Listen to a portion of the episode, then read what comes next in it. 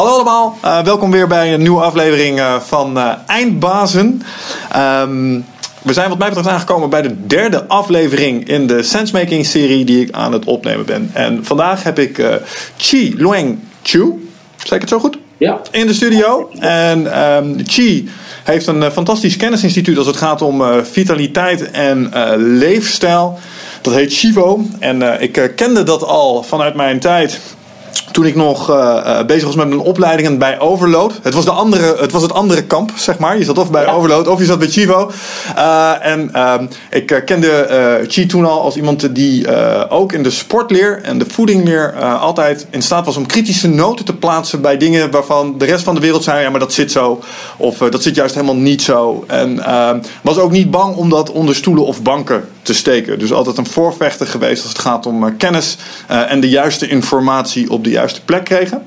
Um, jij kwam recentelijk weer bij mij op de radar, omdat ik zag dat jij uh, behoorlijk in het strijdgevoel aan het begeven was op LinkedIn. Uh, als het ging om het stukje sensemaking omtrent COVID. Het is ook een beetje ja. de, de, reden dat deze podcast, of deze serie in ieder geval tot stand is gekomen. Want het zijn ingewikkelde tijden uh, voor iedereen. Uh, en je ziet een boel uh, verschillende meningen, informatiebonnen en stellingen voorbij komen. En ik heb mij tot doel gesteld om mensen aan beide kanten van dat spectrum te spreken. En iets wat, je, wat mij opviel aan jou, is dat jij, als je even kijkt naar COVID, maar misschien kunnen we daar ook lessen uittrekken voor andere thema's die relevant zijn. Um, maar dat jij heel erg in lijn zit, en dat is een uh, tegenstelling met andere mensen die ik in het publieke, publieke domein daar zie bewegen, um, dat jij het wel degelijk heel serieus neemt. Dat jij COVID iets vindt wat niet onderschat moet worden. Dat zeker niet zomaar even gelijkgesteld mag worden met een simpel griepje. Uh, dat er allerlei consequenties aan zitten. En dat als je kijkt naar het publieke uh, domein, zoals bijvoorbeeld de social media netwerken, dan zie ik voornamelijk mensen juist het tegenovergestelde weer. Van joh, lockdown moet eruit. Uh, het is misschien niet zo ernstig als we het doen voorkomen. De meest excessieve uitingen daarvan gaan helemaal richting samensweringskant en dat soort dingen. Dus ik vond het interessant om ook daar wel eens een keer een tegengewicht aan te bieden. En gewoon eens even kritisch te kijken naar hoe de feiten er nou echt voor staan. Nou, en in dat kader dacht ik, lijkt me geweldig om jou eens te spreken. Ja, nou leuk. Dankjewel. Ja, ik ben inderdaad daar heel, uh, heel druk mee bezig. Um, het is ook, um, nou ja, het, het hangt een beetje aan het vak wat we doen. Ja. In ieder geval aan de leefstijlkant en de klinische leefstijlkant. En um, ja, ik ben me daar tegenaan gaan bemoeien, vooral omdat ik uh, collega's zag die uh, besmet zijn geraakt in uh, februari mm -hmm. en maart. En nou ja, de meeste van onze collega's zijn relatief jong en zeker fitter dan gemiddeld. Ja. Ja, ja, maar nu zijn we negen maanden verder en ze hebben nog steeds klachten. Um, en ze zijn nooit in het ziekenhuis beland. Dus dat vond ik al interessant. En het tweede is dat als we een virus hebben wat, waar we elke dag nog iets nieuws over leren, dat ik het heel bijzonder vind dat iedereen het allemaal afschrijft als een normaal griepje. Dat klopt, dat, die, dat, dat, die houding klopt niet. Mm, ja. Um, dus dat zette mij aan het denken. Nou ja, ik ben best uh, uh, ingevoerd in de biomedische literatuur. Ja. En, um, en psychologie. Dus uh, met die kennis neem je dat gewoon mee. En langzamerhand zijn we ook gaan kijken, ja, gaat het op een gegeven moment passen in de opleiding? Dus dat kwam daarna nog een keer erbij. Maar in eerste instantie werd ik vooral geprikkeld door het idee dat uh, ook jongere en fitte mensen natuurlijk gewoon geraakt werden. Ja, kunnen we uh, voordat we daarop doorgaan, uh, misschien eerst even kort kijken naar, je achtergrond, uh, wie je bent en wat je al allemaal al gedaan hebt. Um, om de luisteraar even mee te nemen in, in waarom je hier een zo, zo, sterke mening over zou kunnen hebben. Want jij hebt Chivo, Chivo is een opleidingsinstituut. Correct, ja. Wat wij doen is, um, wat wij nog niet doen, is wetenschappelijk publiceren. Mm -hmm. Maar wat wij doen is de wetenschappelijke literatuur dagelijks analyseren en vertalen naar de praktijk. Juist. En wij zijn inmiddels erachter gekomen dat dat een specialisme op zich is geworden. Um, en um, omdat de, wil je een totaalplaatje trekken, dan moet je dus buiten uh, specifieke gebieden, en het is meer dan alleen maar multidisciplinair. Mhm. Mm -hmm. Ik heb een multidisciplinair team. Je moet het op een gegeven moment zien te integreren. Ja. En dat betekent ook dat je um, op een gegeven moment alles soort van moet samentrekken tot een centraal model. Nou, dus dat is wat we doen. Nou, mijn achtergrond, natuurwetenschap, psychologie. En uh, ik, heb, uh, ik kom uit het bedrijfsleven. Oké. Ik heb heel lang uh, in het bedrijfsleven gewerkt, nationaal, internationaal. Um, en op een gegeven moment ben ik mij gaan interesseren. Eerst in gezondheid. Daarnaast sport ik al. En nou ja, ik doe zo kleine 25 jaar ook mee bezig met leefstijl. En langzamerhand ben ik op een gegeven moment allerlei initiatieven gaan ontplooien. Dus ik, heb, uh, ik was op een gegeven moment geïnteresseerd geraakt in, uh, in, in vitaliteit. Ik dacht, is dat anders dan leefstijl? Mm -hmm. uh, dat was back in the day, 1995, 1996. Ja. En toen was het idee nog bijvoorbeeld, nou dat ging over energie. En een goed teken van energie was als je minder slaap nodig had. Oh ja. Dat in die opleidingen. Ja, en, nou, er was een soort van gouden norm. Als je nog maar vier uur nodig had, ja, dan was je echt, zeg maar, ah. En uh, nou, ik begreep daar heel weinig van. Maar ik weet wel dat ik dan een maand of twee in die klas zat. En ik zat om me heen te kijken. En iedereen was minder gaan slapen. En ik dacht, nou, ik weet nog steeds niet wat vitaliteit is. Maar zoals jullie eruit zien is... ja? ja. Uh, en toen wisten we natuurlijk nog heel weinig over slaap. Mm -hmm. Dus, uh, dus ik werd de reden waarom ik op een gegeven moment Chivo ben begonnen, is omdat ik uh, heel leergierig was. En, en, en zeker niet too cool voor school. Mm-hmm. Dus de ene cursus naar de andere cursus had. En dan kreeg je tegenstrijdige antwoorden. En als ik daar vragen over stelde, dan kreeg ik antwoorden waar ik nog minder van begreep. En als ik op een gegeven moment daar nog een keer vragen over stelde, werden ze boos. Ja. Ja. Dus dat is een beetje zeg maar, mijn motivatie om dingen nog verder uit te zoeken. Mm-hmm. Um, en zo ben ik ooit uh, Chivo begonnen. Nou, inmiddels een multidisciplinair team opgebouwd. Uh, waarin we dit soort dingen doen. En we houden ons zowel bezig met leefstijl en ook vanuit de fysiologie en psychologie. Um, en we kijken naar vitaliteit. En vitaliteit zit hem veel meer in levensvraagstukken. Dus dat is hoe wij ernaar kijken.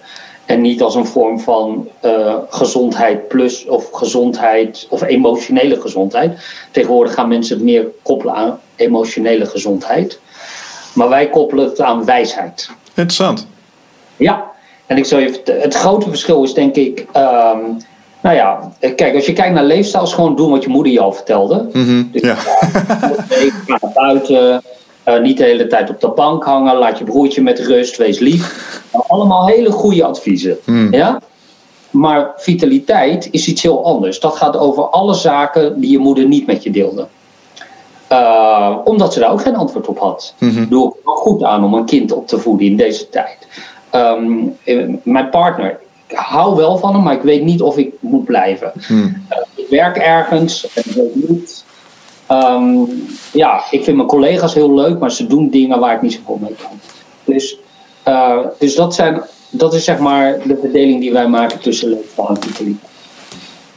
Interessant. Dus ja, um, dus heel, best wel breed. En aan de andere kant komt het ook wel echt samen. Um, omdat ook vanuit vitaliteit uh, weten we dat het lichaam meebeslist. Hm. En daar zie je dat er soms overeenkomsten zijn. En meebeslissen bedoel ik bijvoorbeeld um, als de klok een uur vooruit wordt gezet, mm-hmm. dat rechters de, da de, dagen, uh, de drie dagen die erop volgen zwaarder straffen. Ja. Is ja. dat wetenschappelijk aangetoond? Nou, dat is een correlatie. Oké, okay, ja, oké, okay, check. Maar ik, ik deel met je hè, dat, dat er. Uh, dat dat soort mechanismes. Ja, de, ik bedoel, als je de podcast vaak luistert, dan weet je dat ik mijn vraagtekens bij vrije wil lang geleden al heb gezet. En, en uit dit soort voorbeelden spreekt dat altijd een beetje voor mij dat besluitvorming door zoveel variabelen wordt beïnvloed. Dat als het Zeker. inderdaad zo is dat er een correlatie zit tussen de tijd terugdraaien of vooruitdraaien, zit er ook nog een verschil tussen? Ja, want als je de klok vooruit zet, dan slaap je een uur korter. Of ja, en gemiddeld 20 minuten. Juist. Dus het is slaapvol. Ik snap het. En, en daar, dus doordat minder slaap wordt de besluitvorming beïnvloed en is het gevolg vermoedelijk of waarschijnlijk, dat, dat de straffen zwaarder zijn. Ja. Ha. Ja, precies. En dat heeft alles te maken met wat een heel belangrijk principe is binnen de vitaliteit. Mhm. Dat is namelijk het bedreigingsprincipe. Dus ervaart jouw lichaam bedreiging, uh, dan gaat die signalen afgeven die jouw keuzes gaan beïnvloeden. Mhm. En jouw perceptie gaan beïnvloeden. Ja, ja. Ik, 100%. Uh, in het verleden ook veel gesproken met uh, evolutionair psychologen natuurlijk. En de, de basis daarvan is gewoon je, ja, je, je genetische pakket in veiligheid brengen volgens mij. Zeker, dat, dat, is, de, dat is zeker de meest rationele veronderstelling, ja. Ja, gaaf. Ehm, dus vanuit dat uh, perspectief ben je al heel lang bezig met een stukje wijze begeerte, om het maar eens een, uh, een naam te geven. En um, ik zei het al, ik ken je als een, uh, een, een, kritische noot op sommige, wat, wat toen de tijd werden beschouwd als heilige huisjes binnen, ehm, binnen de fitness en de voedingsleer. en dat je gaf het zelf aan. er is veel voortschrijdend inzicht geweest, als je alleen al kijkt naar hoe men denkt over slapen bijvoorbeeld. Ja. Um, en uh, ik denk dat je die, uh, die skillset uh, ook hebt meegenomen naar de huidige situatie waar we in zitten. En ik vroeg me af, kun jij parallellen trekken als je kijkt, als het gaat om sensemaking, als je kijkt naar hoe, hoe mensen, en, en, dan heb ik het niet alleen over leerlingen, maar misschien ook over leraren, dus mensen die de informatie verstrekken, zich gedragen als het gaat om verkeer, verkeerde informatie. Um, en COVID nu. Dus uh, het zijn andere onderwerpen, maar ik denk dat dezelfde soortgelijke mechanismes uh, van kracht zijn hier. Als het gaat om ja. uh, die dingen. Wat, wat zie jij daarin en wat, wat heb je daarover geconcludeerd? Nou, in zijn algemeenheid, dan moeten we het hebben over. over dan heb je het al over de waarheid. Mm -hmm. Dat is één, nog even los van wat jij wil. Um, en als je het hebt over de waarheid, dan ga je het hebben over feiten, je hebt, gaat het hebben over informatie, kennis mm -hmm. en wijsheid. Dat zijn al een paar begrippen. Nou, een van de problemen die we nu zien is dat men informatie verwart met kennis. Want informatie kun je googlen. -hmm. Kennis kan je met Google ook krijgen, maar dat kost heel veel tijd. Omdat kennis het gelaagd tot je nemen is van informatie en verbanden trekken tussen die lagen. -hmm. Ja, maar dat kost heel veel tijd.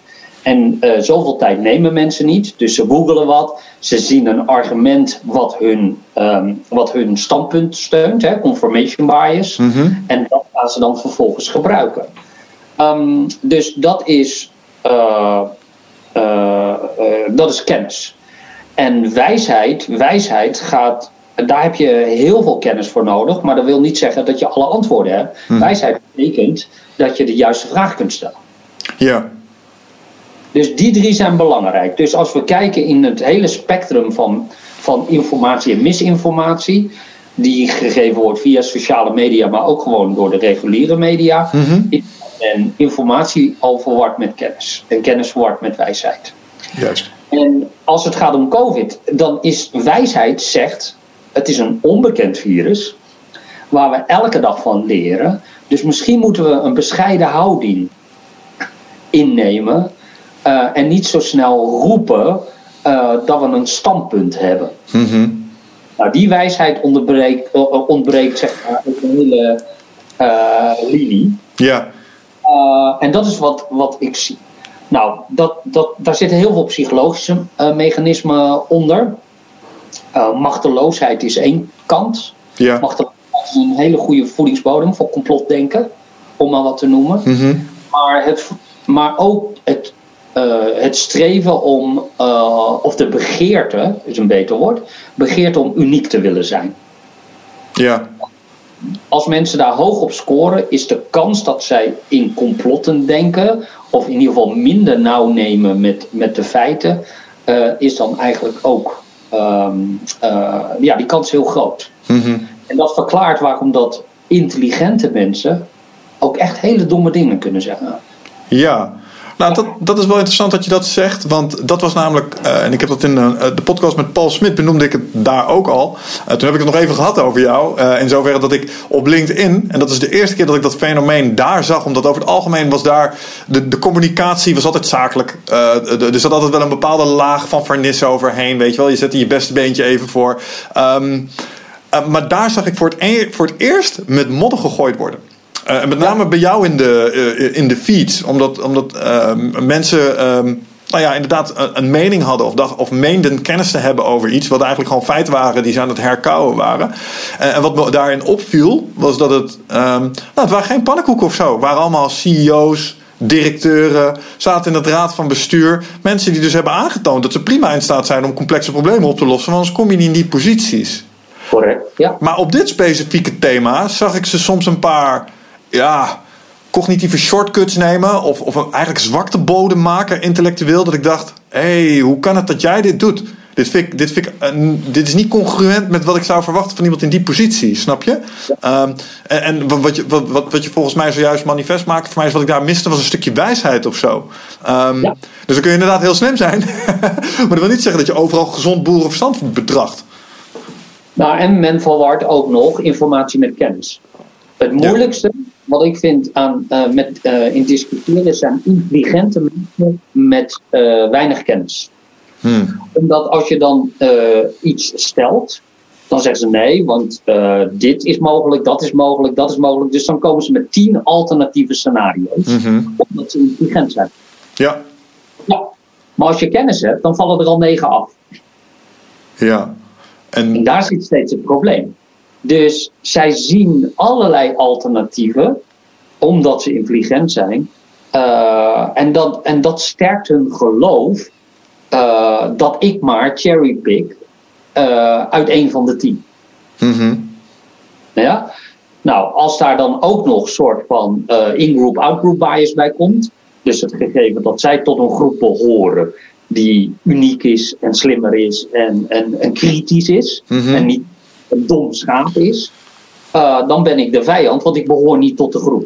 Ik ja. ben alleen een, um, een, een, uh, een, voor, een voorlichter van de overheid. Ja. Ja. Grappig. En, wat, ik, wat ik zo krachtig vind aan, aan jou hier nu over spreken, is dat dit fenomeen um, is, en dat krijg je niemand nu aan het verstand gepeuterd, is geldig voor COVID. Maar als we kijken naar uh, bijvoorbeeld de fitnesswereld, crossfit scene, voedingsleer. En we zouden dat zeggen van daar speelt dat en daar gaan deze dingen. En daar heb je bij versus zij. Ik heb me er zelf schuldig aan gemaakt toen ik bij Overload zat, weet je wel. Ik wou niks, ik wou niks lezen van jou. Want dat, dat brak mijn gevoel van uh, loyaliteit of zo af aan die andere club. Um, maar daar zou iedere gemiddelde Nederland zeggen, ja, dat geloof ik direct. Of als we dat op de vechtsport zouden betrekken, zeggen ze ja, ja, nee, dat is, tuurlijk is dat zo. Dat is overal zo. Maar op een of andere manier hebben we, als het dan om dit stukje gaat, hebben we ineens oogklep op. Heb jij, heb jij uh, een, een idee waarom dat hier zo sterk bij iedereen ineens manifest wordt? Omdat het uh, vrijheidsbeperking is. Ja. Ja. Kijk, wat je ziet is eigenlijk het volgende. Wat we doen zodra iemand uh, autonomie, zodra we iemands autonomie beginnen af te nemen, ga je zien dat mensen in een soort van overleefstand komen. Mm -hmm. En in een overleefstand komt komen zelden zeg maar, de, de, de, de verlichtende kant van jou naar boven als je in een overleefstand bent. Meestal komen er iets donkere randjes van jouw karakter naar boven. Ja. En dat is, dat, is, dat is logisch, ik heb daar ook alle begrip voor. Dus dat dat gebeurt. Maar dan is er nog wel een verschil tussen twee groepen. Je hebt een groep die kansarm is en je hebt een groep die kansrijk is. Hmm. De kansarme groep, dat is een groep die al heel lang uh, geen vooruitzicht heeft in het leven. Nou, dat zijn, in Nederland hebben we bijvoorbeeld 2 miljoen mensen die zijn nagenoeg analfabeet. Mm -hmm. 2 miljoen, hè? We hebben een miljoen mensen die onder de armoedegrens leven. En ondanks dat de economie de afgelopen jaren enorm is gestegen, is de groep langdurige armen is toegenomen. Mm -hmm. Dus armoede is afgenomen, maar de, de groep langdurige armen is toegenomen. Die groep is dus kansarm. En die zijn heel machteloos. Die ervaren vooral machteloosheid. Mm -hmm. um, dan heb je nog een groep die is kansrijk. En die zitten vooral in de evenementenindustrie enzovoorts. En daar is hun, uh, daar, hun snabbels zijn afgenomen. Ja. Maar zij hebben geen enkele twijfel over dat als de situatie zich weer keert, dus de maatregelen zijn uh, opgeheven, Mhm. dat zij weer net zo floreren als ervoor. Ja. Dus zij zijn kansrijk. Nou, die twee groepen vinden elkaar, omdat ja, de vijand van mijn vijand is, uh, is zeg maar de, is, is mijn vriend. Uh, en tijdelijk vinden ze elkaar en dan versterken ze elkaar. Dus, um, dus de misinformatie gebeurt heel veel via de, de entertainment-industrie. Ja. Omdat als zij iets kunnen, is het podium pakken.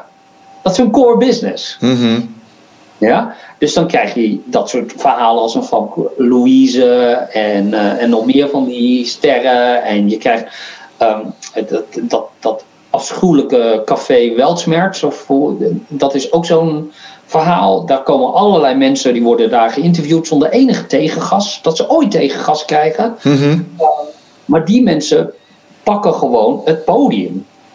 Um, en dan wil ik niet eens uh, hebben specifiek over de intentie, want ik, ik geloof ook nog dat ze het zullen geloven. Um, maar daar zie je, uh, als, die, als, als je zeg maar in die overleefstand staat, dat mensen juist um, uh, hele zich, zich, zich vast kunnen bijten in deze materie met een soort van tunnelvisie van heb ik jou daar. Ja, het grappige ja. dat, je, dat je zegt dat, dat die twee groepen daar hun common ground lijken te vinden. En, en daar ook uh, tijdelijk even een alliantie in aangaan. Ik zie dit letterlijk de afgelopen drie dagen zich ontvouwen in onze YouTube comments. Uh, bij de meest recente podcast van uh, Isa. Haar achternaam ontschiet mij even. Maar die heeft in het kader van die spoedwet. Uh, heeft ze een aantal van die uh, besluitvorming en, en, nieuwe wet en regelgeving heeft ze doorgelicht en is daar heel kritisch over. En um, ik, heb nog, ik heb met uitzondering van een aantal podcasts heb ik nog nooit een podcast zo vaak zo snel bekeken zien worden en al helemaal niet zoveel becommentarieerd zien worden. En wat ik interessant vind aan de comments, want normaal maak ik me, probeer ik daar niet al te veel tijd aan kwijt te zijn, maar dit was zo'n grote explosie van commentaar. Ik dacht, wat is hier aan de hand?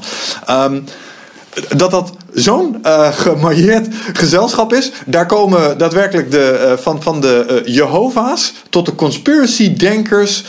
tot inderdaad de, de, de mensen die um, vinden dat je van, het, van de grid af moet. Tot de Great Reset. Tot UN 2030. Ik zie alles in bij één video bij elkaar komen. Terwijl ze normaal gesproken, als je ze naast elkaar zou zetten op een verjaardag. zou dat er raar uitzien. Snap je ja, wat ik bedoel? Zeker. Maar wat hen bindt, is dat hen uh, autonomie is afgenomen. Ja.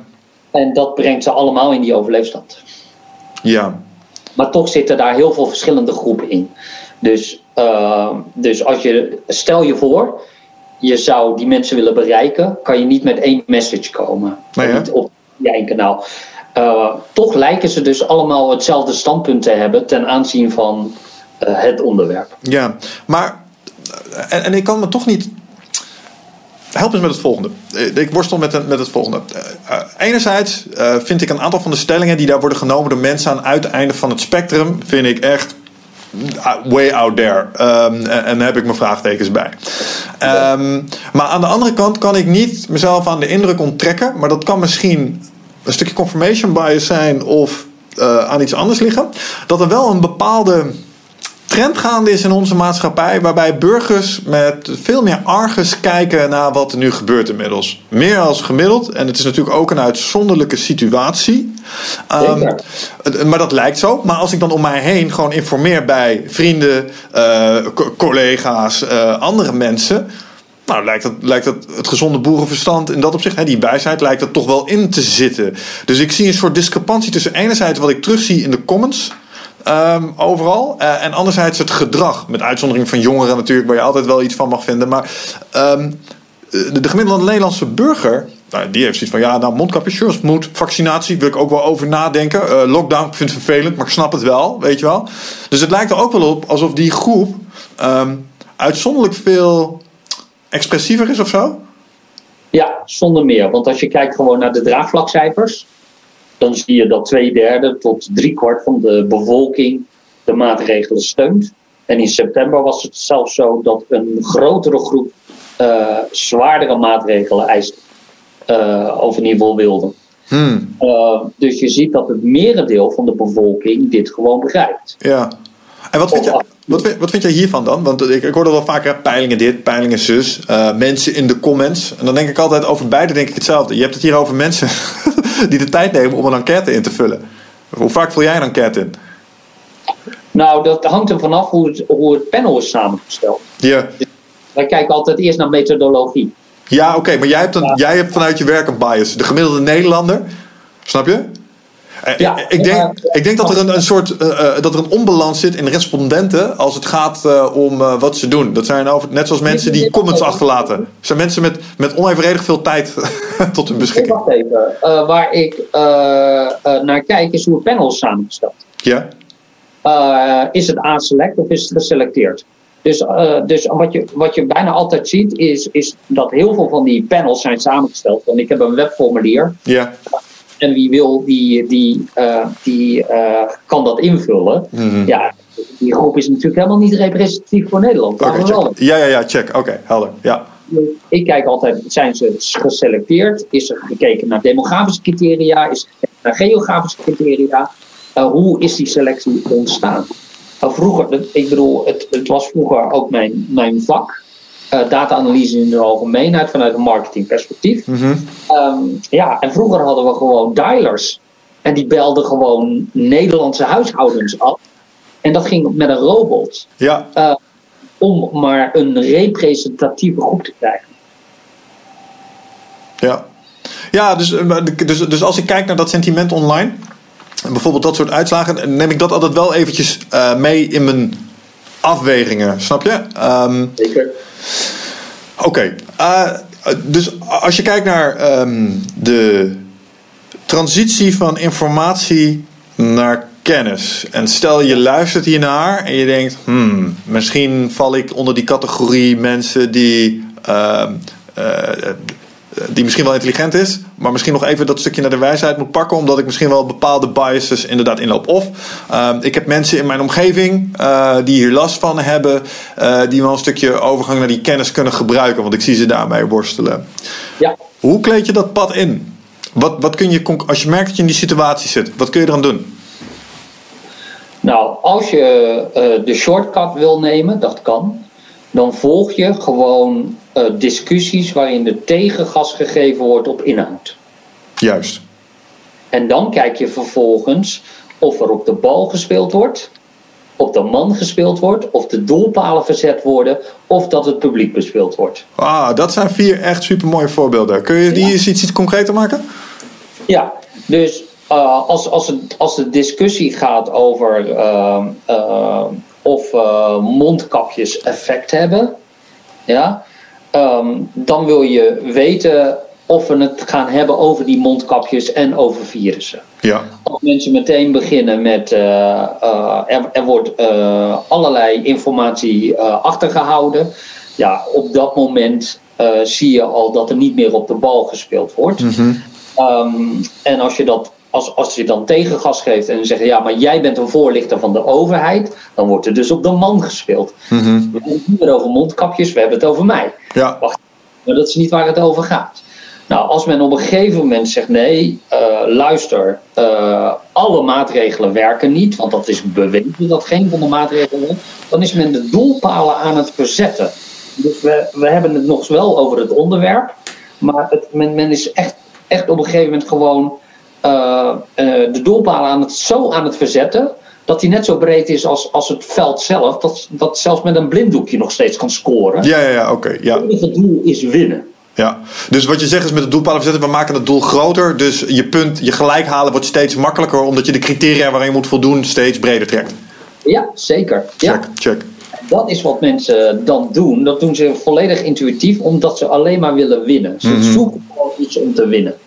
Ja, en het publiek bespelen is natuurlijk dat je op een gegeven moment op het moraal gaat spelen. En dat je gaat zeggen, ja, dus jij vindt dat alle kinderen hersenbeschadiging op mogen lopen. Ja, precies. Omdat, nou, in dat geval ben je, probeer je natuurlijk public outrage te creëren.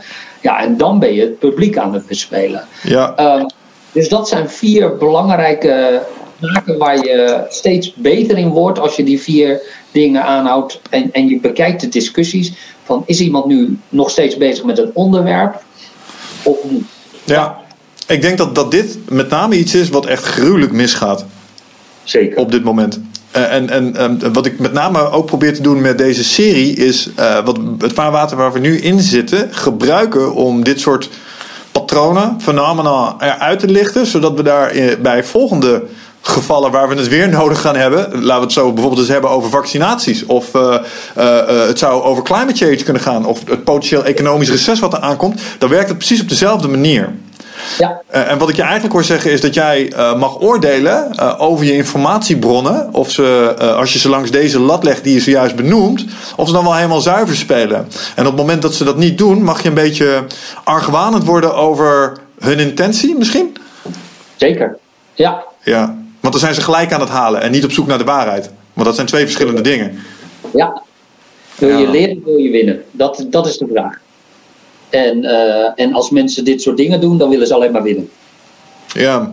Hoe, ja. ja en dat is echt moeilijk, jongen. Want de, hoe, de, de primaire neiging, en die heb ik ook uh, op het moment dat ik iets tegenkom waarvan ik denk, is niet waar is het, is, het, is het tegenaan duwen? Is het proberen te ontkrachten? Uh, maar zoals jij ook aan de lijf hebt ondervonden, is dat dan een, een tegenreactie teweeg brengt. Waarbij zij ook gaan double downen. Hun, hun energieuitgifte om hun gelijk te halen gaat ook alleen maar omhoog.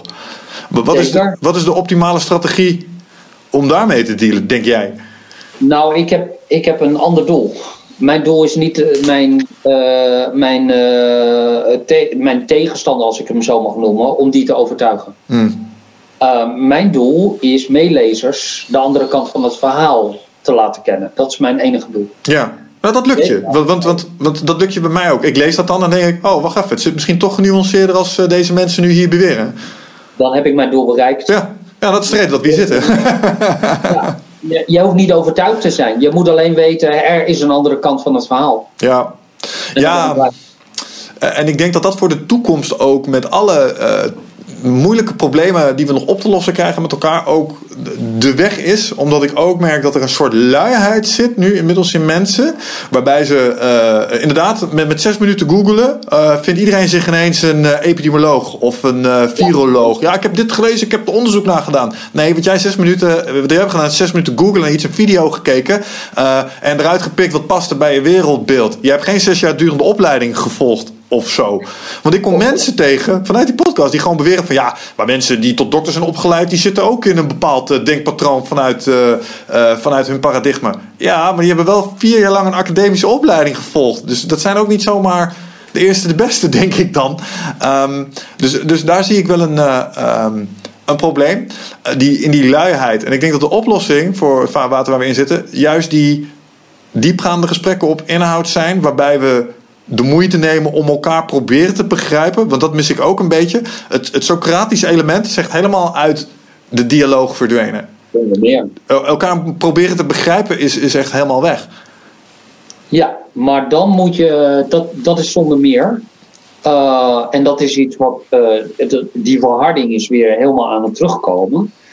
Uh, maar die verharding uh, deels gevoed door media, sociale media. Mm-hmm. Ook deels gevoed door het gegeven dat een deel van Nederland uh, vindt dat ze hun land niet meer terug herkennen. Mm-hmm. dat gebeurt ook. En dat leidt dus niet alleen maar tot, tot dit soort discussies over COVID, maar ook over discussies over Zwarte Piet.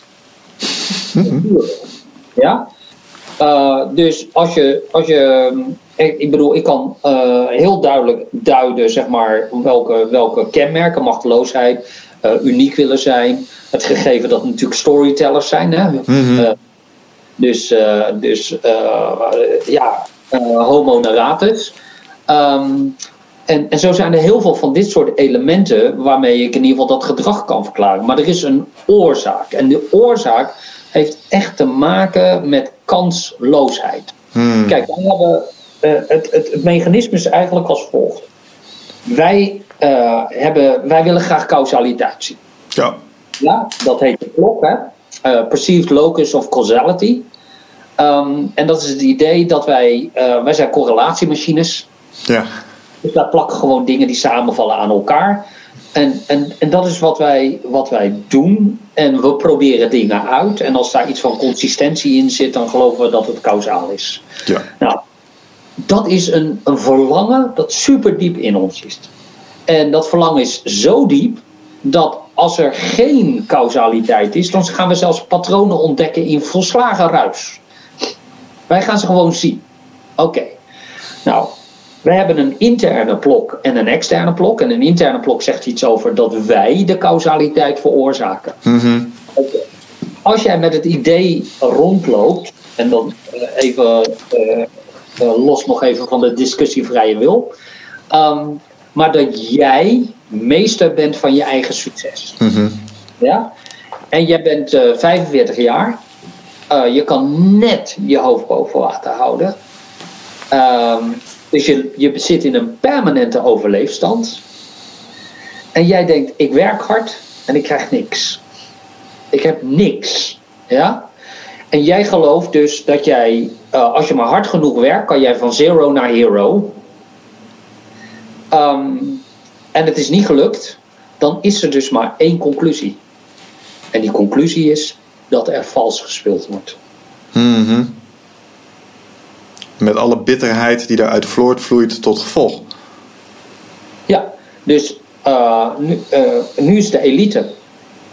Voorheen waren het de buitenlanders, daar hoorden we, hebben we een hele tijd niks meer van gehoord. Klopt. 2015 was dat een ding. Nou, Geert Wilders is weer een poging aan het wagen.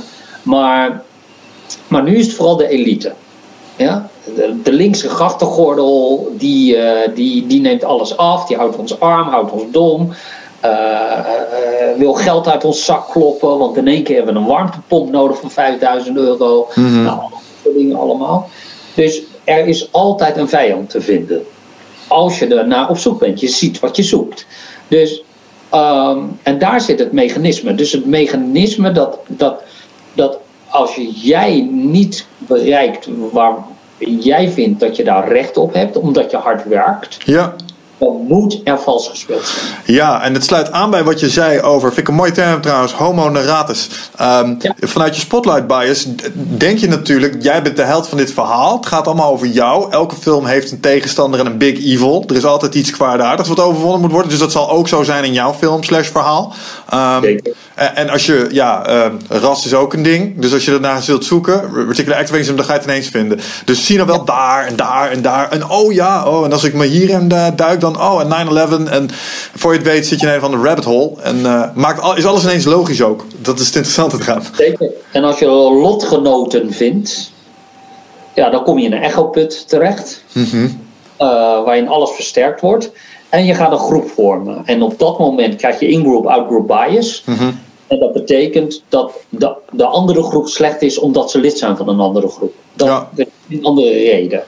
Nou, en dan gaan we langzamerhand gaan we een hel het vlak op. Dus dat begint eerst met ehm, objectificatie. Dus je gaat ze ontmenselijken. Het, zijn, eh, het is de elite. Het, het is, dus het is niet- Satanisten tegenwoordig, ja. Ja, Pedofiele Ja. satanisten zijn het. ja en, en pedofielen. Ja. Ja. En, eh, eh, en, en, maar ja, we hebben diezelfde objectificatie ook met vrouwen gehad. Dus op het moment dat je van iets, een groep of een persoon, een voorwerp begint te maken, Mhm. kun je empathie overboord gooien. Dat is de weg om empathie te verminderen. En dan komen we in de volgende fase, want de volgende fase is dan geweld. Geweld is makkelijker zonder empathie. Mhm. Ja. Uh, en dat, is, dat zijn de stappen. En die, die zie je door de hele historie heen. Dat is gewoon, ja, dus zowel vanuit historisch als uit psychologisch uh, uh, literatuur weten we, weten we gewoon wat de, wat de kenmerken zijn. Ja. Kunnen we eens even, en misschien weet je er iets van, en misschien heb je er ook niet in verdiept, maar misschien kunnen we even in het kader van wat je zei over die vier kantlijnen, kunnen we eens een klein stukje inhoud ingaan? Want wat ik bijvoorbeeld in onze comment-sectie veel tegenkom momenteel zijn de Great Reset, UN 2030, Bill Gates met zijn vaccinatie, een machtsgreep van de elite om ons verder een Orwelliaanse maatschappij in te duwen. Waarom is dit niet waar? Nou, ik, ik weet niet of het niet waar is, maar ik, tot nu toe vind ik het begrijpelijk wat er gebeurt. Ik hoef het niet altijd mee eens te zijn. Hmm. Uh, maar ik begrijp het wel. Ik, uh, je had net over spoedwet. Uh, volgens mij met een podcast. Die podcast heb ik niet beluisterd. Maar ik snap wel dat er bezwaren zijn tegen een spoedwet. Op het moment dat je dat. dat er zijn meerdere voorstellen. Ik ben geen jurist. Um, maar, um, maar als er, als er um, meerdere. Als, als, zeg maar, het controlerend orgaan buitenspel wordt gezet, mag je argwanend zijn. Juist. Ja, in zijn algemeenheid. Dat is, als we het hebben over wijsheid, is dat de eerste reden om een vraag te stellen. Check, ja. Um, want als je kijkt naar alles wat duurzaam is geweest, democratie of wetenschap, die delen allemaal één, uh, één heel belangrijk kenmerk namelijk transparantie, mm-hmm. ingebed in een structuur. En ik noem dat zelf georganiseerd wantrouwen. Ja, ja. Dus als georganiseerd wantrouwen functioneert, dan blijven dingen gewoon werken.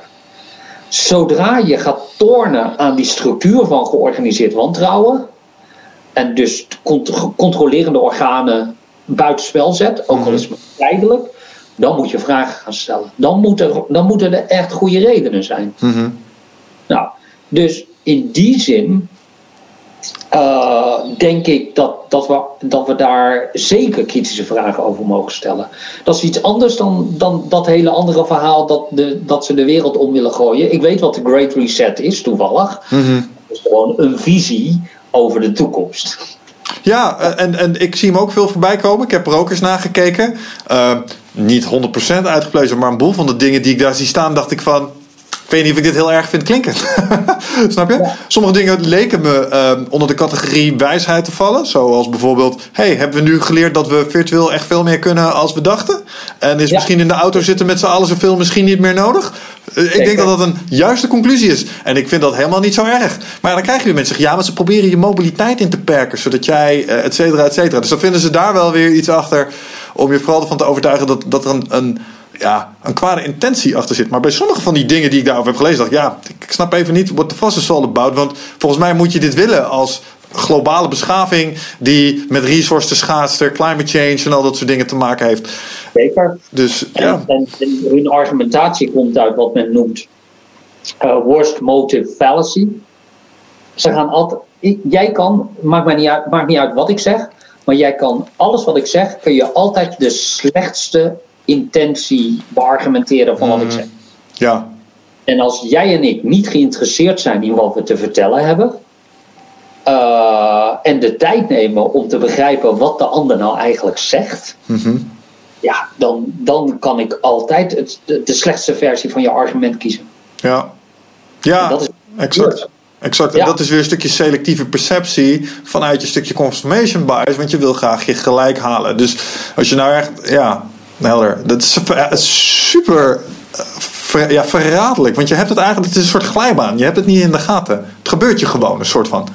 Ja, het, is, eh, het lijkt een onderdeel van ons overlevingsmechanisme. Mhm. Ehm, en het zal soms, soms zeker eh, heel, heel goed functioneren. Ja. Eh, heel, heel functioneel zijn. Ja. Maar ja, ik denk dat het zijn beste tijd gehad heeft. In die zin dat het super praktisch was voor eh, de set en setting waar we 15.000 jaar geleden in ons in begaven. En ehm, nu zo af en toe wat eh, eh, onbedoelde bijwerkingen heeft in, in deze maatschappij. Met, met de hoeveelheid informatie, wisselende prioriteiten. Daar ben je als aap met een smartphone gewoon niet voor gebouwd, joh. Ja. Ja en nee, denk ik. Eh, in zijn algemeenheid ben ik mee eens dat, dat, dat de omgeving zo veranderd is dat er zoiets is als de grote mismatch. Hè? Mhm. Eh, maar los ervan zijn er natuurlijk heel veel situaties waarin je argwanend en kritisch zou mogen zijn. Mhm. Eh, maar niet op dit niveau, maar veel meer op persoonlijk niveau en in, in je omgeving. Voorbeeld? Er zijn gewoon slechte mensen. Oh, zo, ja, ja, ja, 100%. Ja, eh, en ook in deze tijd zijn er nog steeds slechte mensen.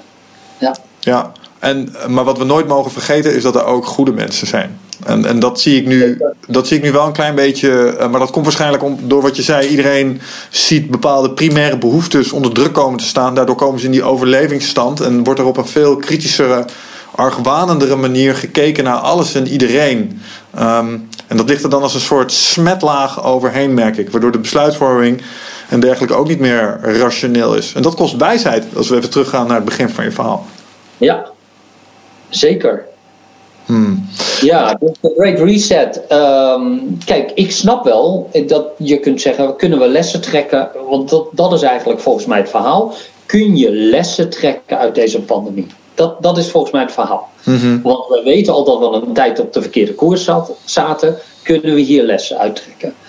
Nou, ik ben daar absoluut voor. Ik heb een ander voorstel, maar, eh, eh, maar het, is, ja, zeker. Laten we het eens even kort over hebben. Wat zijn lessen die jij eh, de, de, hebt getrokken uit deze situatie? Want ik denk dat er een silver lining is. Daar ben ik het helemaal mee eens. Ja, nou, de lessen die we zien. Nou, uiteindelijk moeten we eerst gaan begrijpen wat nu echt de oorzaak is van dit probleem. En de echte oorzaak van, van dit probleem is gewoon armoede. En hyp, er zijn, zijn een aantal zaken: armoede en hyperconsumentisme. Dat zijn de twee problemen. En ik zal dat toelichten. Uh, waar ontstaan virussen? In principe in de interactie tussen dieren en mensen. Oké? Um, dus daar waar, uh, wa- waar die geconsumeerd worden, ontstaan virussen. Nou, die ontstaan overal, ook in Europa. Maar ze hebben hier nog nooit geleid tot een pandemie. En waarom is dat? Uh, omdat wij hier gewoon rijk zijn. Daarom. Nou, waar ontstaat het probleem wel? In sloppenwijken van Wuhan bijvoorbeeld. Uh, en daar wonen heel veel mensen in onhygiënische omstandigheden. Die nog nooit gehoord hebben van een keuringsdienst van waarde. waar ze niet eens een riool hebben. Nee. Ja?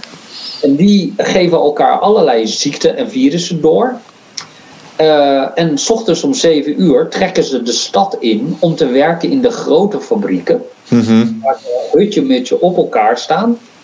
En waar managers doorheen lopen, de baas te spelen. En die daarna vervolgens heel stoer op vliegtuig opstappen. Want het is ook het internationaal, verkeers, uh, internationaal verkeersknooppunt. Ja.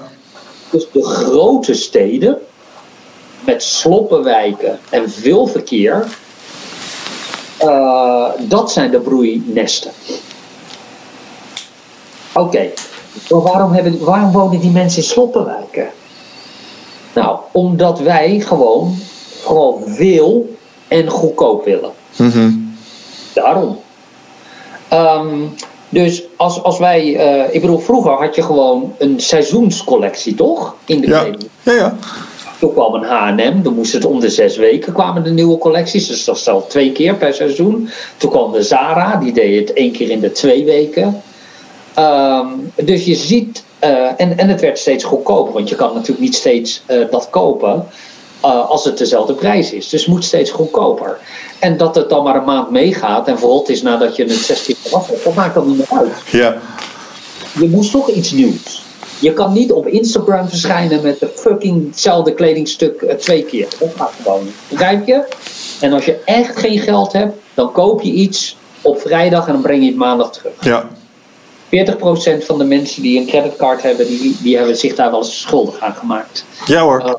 Uh, op Instagram uh, iets te laten zien. Oh, da dat dan niet, maar ik herken, het, ik, ik herken het wel, zeker. Ja hoor. Ja, uh, dus die, dat hele idee, dat je voor 5 euro naar, naar Milaan kunt vliegen om te shoppen en zo, daar zitten onze problemen. Hmm. Um, en dus het, vlieg, het vliegen en uh, hyperconsumentisme en uh, erbarmelijke werkomstandigheden, armoede. Daar, daar zitten de drie grote problemen. Nou, kun je dat oplossen? Uh, ja, je kunt zeggen, nou, we gaan meer thuiswerken, maar dat is natuurlijk gewoon gelul. Je mm -hmm. kunt ook zeggen, nou, ik ga minimalistisch, minimalistisch leven. Ja, ik vind je een echt een fucking held als je dat doet. Maar het is een druppel op een gloeiende plaat. Dit gaat helemaal nergens over. Mm. Um, uh, wat kun je wel doen? Nou, dat kan alleen de overheid en dat kan met name alleen Europa. We gaan gewoon. Ik, ik heb een heel radicaal voorstel. Het voorstel is, laten we eens gewoon een eerlijke prijs betalen voor dingen. Oh, Want als een prijs te laag is, dan wordt iets of iemand uitgebuit. ja. Ja? Dus Ah, als jij voor 5 euro kunt vliegen naar Milaan, wie ruimt de CO2 en wie ruimt de fijnstof op? Oh, niemand. dus wie, wie betaalt hier de prijs dan? Nou, alle mensen die onder de rookwolken van Schiphol eh, wonen. Ehm, de, de, de flora, fauna enzovoorts.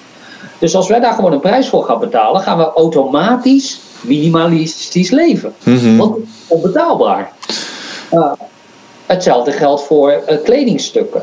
Ja, als die kledingstukken dus niet gemaakt kunnen worden tegen een prijs waarin mensen gewoon fatsoenlijk in een huis kunnen wonen met, nou doe eens wild, een riool. ja, ja, ja, ja, precies. dan, dan, dan kun je dit soort dingen oplossen. En dan zie je dat bijna alles, maar dan ook alles recht trekt. Ja, Die zes keer op vakantie gaat als een vliegtrip 6000 euro kost. Ja. Nou, dit, dit kan volgens mij. Dit is eh, exact waar we het destijds met Inzo eh, over hadden van Tony Chocolonely. Die, die proberen in de chocoladeketen eh, zitten soortgelijke dingen. En die proberen daar iets aan te doen. Ehm, en dat is inderdaad door de lokale boer een eerlijke prijs te vragen. Waar zij daar lokaal hun kwaliteit van leven ontzettend mee kunnen verbeteren. Nou ja, 100%. Eh, wat je eigenlijk, wat ik je hoor zeggen, is dat er zit een verborgen. Op plaat, hè? Wat zeg je? Is een druppel op een gloeiende plaat. Nee, maar als je het overal zou toepassen, eh, dan wordt het een ander verhaal natuurlijk. Het is een proof of concept, zeg ik. Nee, nou, laat ik het zo zeggen. Ik, ik ben er iets meer pessimistisch over. Of realistischer. Omdat wij het verhaal ehm Fairtrade natuurlijk al heel lang kennen. Mhm. En ze doen echt mooi werk. Ik, echt waar. Ik, echt, ik, dat, dat, dat is dus niet mijn verhaal. Maar als je ziet wat voor impact dat heeft gemaakt. In, in, ik weet niet hoe lang het bestaat, 20, 30 jaar, langer dan. ooit. Geen, echt geen deuk in een pakje boter. Oké. Wel voor die gezinnen. Dus ik ben blij dat ze het doen. Dus die gezinnen die, die hebben nu een betere levensstandaard. Helemaal, helemaal tof. Maar voor de, op wereldniveau Mm-mm. niks. Nee, maar zou dat. Alleen als wij als Europa zeggen: luister, eh, China, jij wil hier spullen leveren, dat moet aan de volgende voorwaarden voldoen. Juist. Want wij zijn de rijkste consumentenmarkt ter wereld. Ja, we hebben een derde van jullie bevolking, maar wij hebben per persoon zes keer meer uit te geven dan een gemiddelde Chinees. Klaar. Wil je de markt in of niet? Ja. En dan komt de gewetensvraag. Zijn wij als Nederlander bereid om misschien wel twee, drie, misschien in sommige gevallen vier keer zoveel te betalen voor producten? Als dat betekent dat we op de lange termijn de, de, de welvaart beter verdelen, eh, ecologische verantwoorden bezig zijn. En, en ik ben bang dat als ik daar echt heel diep over nadenk, dat mijn antwoord wordt: dat zijn we waarschijnlijk niet. Nee. Ik zou willen vragen aan politicus, politici om dat dan anders te framen. Ik zou zeggen, wil jij dat al jouw werk verdwijnt naar goedkope landen? Of zo. Ja, en dan speel je weer in op eigen belang. En dan zeggen mensen: nee, natuurlijk niet. En dan zeg je: nou, dan moeten we dit en dit, dit, dit doen. Ja, ja, precies.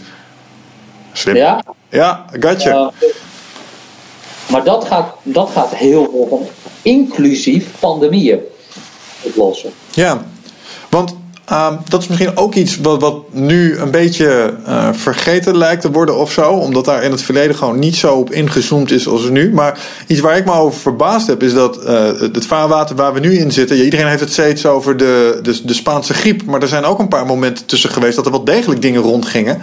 ehm, waar we niet zo'n hetze over hebben gemaakt met destijds. Dat is correct. Ja. Dus dan hebben we het over SARS-CoV-1 en we hebben het over MERS enzovoort. Ja, Uh, maar er zijn wel interessante, want feitelijk zijn dat wel pandemieën. En pandemieën zijn van alle tijden.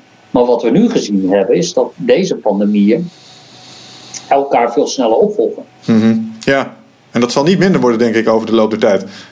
Zolang wij gewoon eh, denken dat het normaal is dat jij in zes uur in New York zit, kunt zitten, dan gaat het gewoon blijven gebeuren. Ja. Ehm, dus dat is eh, een verhaal. En, en de vraag is natuurlijk: waarom hebben we daar niet zo'n ding van gemaakt? Want dat is eigenlijk je vraag volgens mij. Als met SARS-CoV-2. Correct. Het heeft alles te maken met besmettelijkheid. Hmm. Ja, want laten we eens even kijken naar COVID. En als het dan gaat om de misvattingen die jij daar ziet. Zeker. Ja, dus uh, er is een, het, het, is echt een flink verschil. Uh, SARS-CoV-1 was echt veel erger als uh, virus en, en, en pathofysiologisch gezien, zeg maar, wat het met lichaam doet, ziektemaker. Um, terwijl um, COVID-2 gewoon veel besmettelijk is. Twee tot drie keer besmettelijker dan influenza-virussen. Ja. Dan een griep. Maar wel tien keer dodelijker dan een griep. Hmm. Dat is iets wat heel slecht begrepen is. Nou, en daar zie ik ook wel een van de eerste uh, misvattingen. Laten we het even hebben over Café Weltschmerz. een van de ja. leukste video's die ik de laatste tijd heb gezien, uh, inmiddels alweer een maand of twee geleden, was dat uh, Café Weltschmerz een breaking news video uitbracht van het WHO, waarin een meta-onderzoek was gedaan. En zij de IVR op 0,25 zetten volgens mij. Uh, en dat zag ik, en dacht ik, oh, dat is verdomd goed nieuws. Want daarmee komt het in de buurt van, van griep. Um, en dat vind ik een geruststellend idee. En, en dan kom ik weer mensen als jij tegen die zeggen: mm -mm. En dan denk ik: ah, kut, hoezo dan? En dan blijkt het weer genuanceerder te liggen. Maar. Oké. Okay. Ja, nee, heel duidelijk. Um, allereerst is het geen standpunt van de WHO, maar standpunt van uh, uh, John Ionidas. Mm -hmm. um, dus dat is, uh, dat is één. En hoe het onderzoek opgebouwd is, is, is sowieso niet um, niet de, de, de groepen die hij meeneemt, zijn niet representatief voor een land. Oké. Okay. Dat is één. Het tweede is dat de IFR regio-afhankelijk is. Dus je kunt wel zeggen het is 0,23, dat kan. Maar de WHO zegt ook dat de gemiddelde levensverwachting 70 is. Ja, en dat is ook niet overal zo. Dat is ook niet zo. Ja, precies. Zit jij uh, vaak in je hoofd uh, neem je heel veel informatie tot je video's, podcasts, boeken. Uh, nou, voel je niet schuldig, dat doen heel veel mensen natuurlijk. Hè, maar vaak zijn we op zoek naar antwoorden. Uh, gaan we nog meer informatie tot ons nemen. Terwijl ja, de antwoorden liggen toch echt in onszelf. En dat is iets wat we voelen met ons lichaam. Maar vaak zijn we zo erg in ons hoofd bezig ja, dat we dat ook niet meer, dat we daar niet meer echt goed bij kunnen. En dat is graag waar ik je voor uit wil nodigen. Voor Ride of Passage. 24, 25 en 26 mei is er weer een nieuwe editie voor mijn retreat voor persoonlijke ontwikkeling. Waarbij het thema echt is om uit het hoofd te komen in dat lichaam. Want dat is waar je alles ervaart. En ik wil dat je gewoon weer in contact komt met, met die, die intuïtie. Um, en gewoon een heel sterk uh, innerlijk kompas. Dat je gewoon weer weet waar je naartoe moet, wat je te doen staat. En dat je gewoon weer helderheid hebt over wat je wilt en hoe dat je dat gaat doen. En dat doen we middels uh, bio-energetische oefeningen, dynamische meditaties, een stuk shamanisme zit erin. Het enige wat er bekend is van het programma is dat er een zweethut in zit. Uh, en natuurlijk gewoon hands-on persoonlijk leiderschap. Uh, dit retreat krijgt een 9,2 gemiddelde van meer dan 331 deelnemers. Daar ben ik ontzettend trots op. Sterker nog, er is ook een money back guarantee. Vind je niks na drie dagen, krijg je gewoon je geld terug. Dus het enige risico dat je loopt, is dat je gelukkiger wordt. Klinkt dit als iets voor jou en durf je het aan? dan zie ik je op Ride of Passage. Ga naar wichertmeerman.nl en klik op Retreat. Dus dat is wel belangrijk. Uh, er zijn enorme regionale verschillen. Nou, dat geldt ook voor de IFR. De IFR in Nederland ligt ongeveer rond de 0,6. Ja. Dat is al 2,5 keer hoger. En dat heeft te maken met het gegeven dat wij relatief veel meer oudere mensen hebben. Ja. Omdat het zo goed gaat hier. Um, dus dat is al een verschil. En hoe zit het dan met griep? Nou, dat is een enorm. Wat, wat ze vergissen zijn twee zaken. Wij testen. Uh, uh, wij kunnen een IFR. Uh, wat ze verwarren zijn twee zaken: de CFR en de IFR. Oké, check, ja. Ja. En de IFR, wij testen heel veel mensen. En dan komen we erachter. Dus, dus we weten wie er geïnfecteerd is.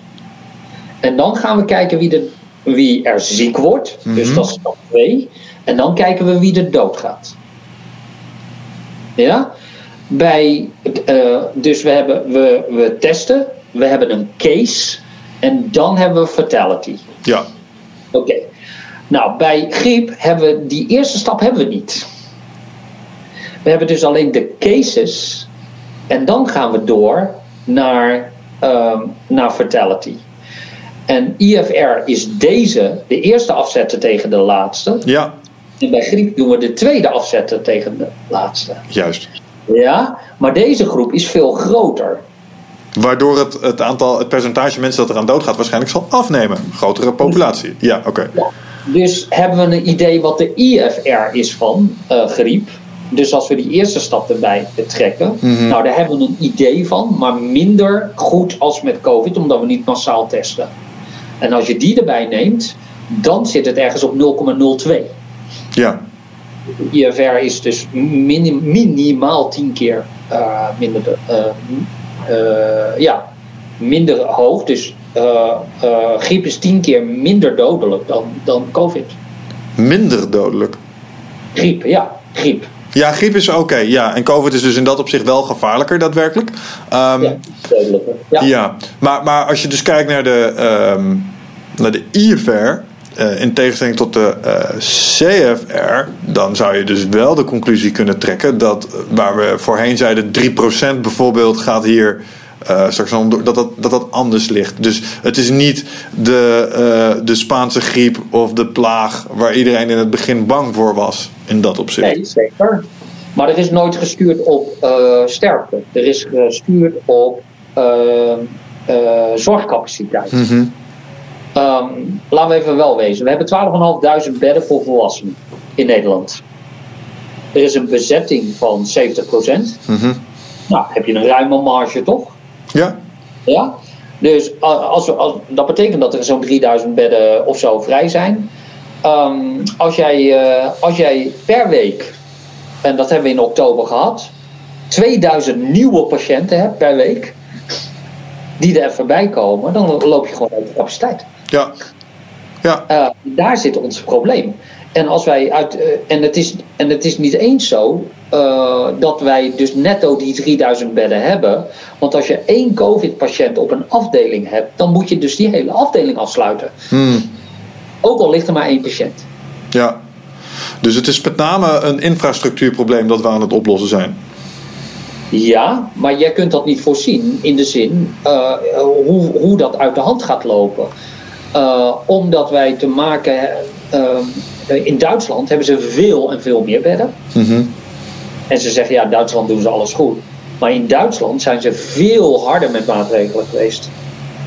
Dus ondanks dat zij veel meer infrastructuur, veel betere infrastructuur hebben, hebben zij ervoor gekozen om veel vroeger harde maatregelen te nemen. Mhm. Ik vond dat heel verstandig, want dan ga je namelijk fit de winter in. Hm. Wij zijn niet de winter in gegaan. Eh, mm, interessant, interessant. Ja, want daar heb ik dan nog wel een vraag over. hè. Want als je bijvoorbeeld kijkt naar ehm, wa- wa- wat er nu gebeurt met, met de toename in eh, besmettingen, de zogenaamde tweede golf. Eh, Als je die zou afzetten tegen een, een standaard griepseizoen, bijvoorbeeld in 2018 of 2017, ehm, Ja. dan, dan, dan zie je soortgelijke patronen die een klein beetje horen bij. Je niet? Want Nee. Dat is dus een argument wat ik veel mensen hoor aanhalen. Ze zeggen, ja, het is een case demic, weet je wel. Dit, dit ligt in lijn met de, met de seizoenspatronen. Ehm, Ja. en, en inderdaad, we mogen verwachten dat rond december zullen ze weer dalen. Zoals dat altijd zo gaat. Ehm, en, en dat grijpen ze dan aan als een argument om te zeggen, nou ja, misschien is het nog niet zo serieus met dat COVID. En is dat gewoon iets wat hoort bij een nieuw virus dat eh, op het toneel verschijnt. En dat er zoveel sterfte was. Dat was omdat we een hele oude bevolking hadden. ehm, die een lichte winter hebben gehad. En dan denk ik, ja, makes sense. Oh, wauw, dat zou een fijn idee zijn als dat waar is. Maar dan zeg jij, mm, licht genuanceerder. Ja, allereerst weten we in eh, de staten van de VS, waar het gewoon 30, 40 graden was, eh, dat ze de koelwagens de parkeerplaats opreden omdat ze geen plek meer hadden om de lijken op, eh, op te stapelen. Eh, dat betekent dat het, dat het virus iets minder gevoelig is voor warm weer dan de meeste mensen veronderstellen. Hmm. Dat is bij influenza duidelijk heel anders. Dat is één. Ik heb in, op 1 oktober, of in begin oktober, heb ik nog een hele sarcastische post eh, gemaakt. En die post was: Kijk, we gaan weer het jaarlijkse rondje in. Waarin we in oktober de ambulance rondjes rijden om maar een plek te vinden voor hun patiënten. Ja, dat gebeurt nooit in oktober. Het griepseizoen begint nu. Hmm. Terwijl in oktober liepen de, liepen de ziekenhuizen al vol. Het tweede is, wij doen testen en die testen die correleren perfect met de nieuwe ziekenhuisopname. Daar is heel veel verwarring over. Ik, had, uh, ik sprak gisteren Bo van de Ree, van de Ree op LinkedIn. Mhm. uh, en hij zegt, nou, die PCR-testen die komen helemaal niet overeen met, uh, met, met die ziekenhuisopname. Dit is allemaal kwats. Mhm. Maar dat zijn hoogleraars iets eleganter uitgedrukt. en, en, en hier zie je, kijk, de man is heel goed in statistiek. De man is waarschijnlijk meer over statistiek vergeten dan dat ik ooit ga leren. Mhm. Maar je hebt ook inhoudelijke kennis nodig. En hij meet de verkeerde dingen.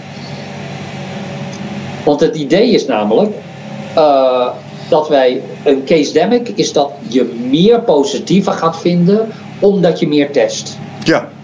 Ja, maar dat is natuurlijk, dat is, maar, dat is wel waar, maar dat is maar het halve verhaal. Wat je nodig hebt is namelijk niet hoeveel positieve gevallen er zijn, maar wat het percentage is. Dus als ik in week 1 1000 mensen test en ik vind maar 5 positieve gevallen, mm -hmm. en de week erop uh, test ik maar 500 mensen, maar ik vind 100 gevallen, dan is het percentage gestegen terwijl het aantal testen gedaald is. Ja. Dus Ja. de verhouding van je geteste populatie is meer positief in geconstateerd als bij een grote populatie. Ja, oké, I get En it. dat noemen ze positief ratio of het percentage positief. Mhm.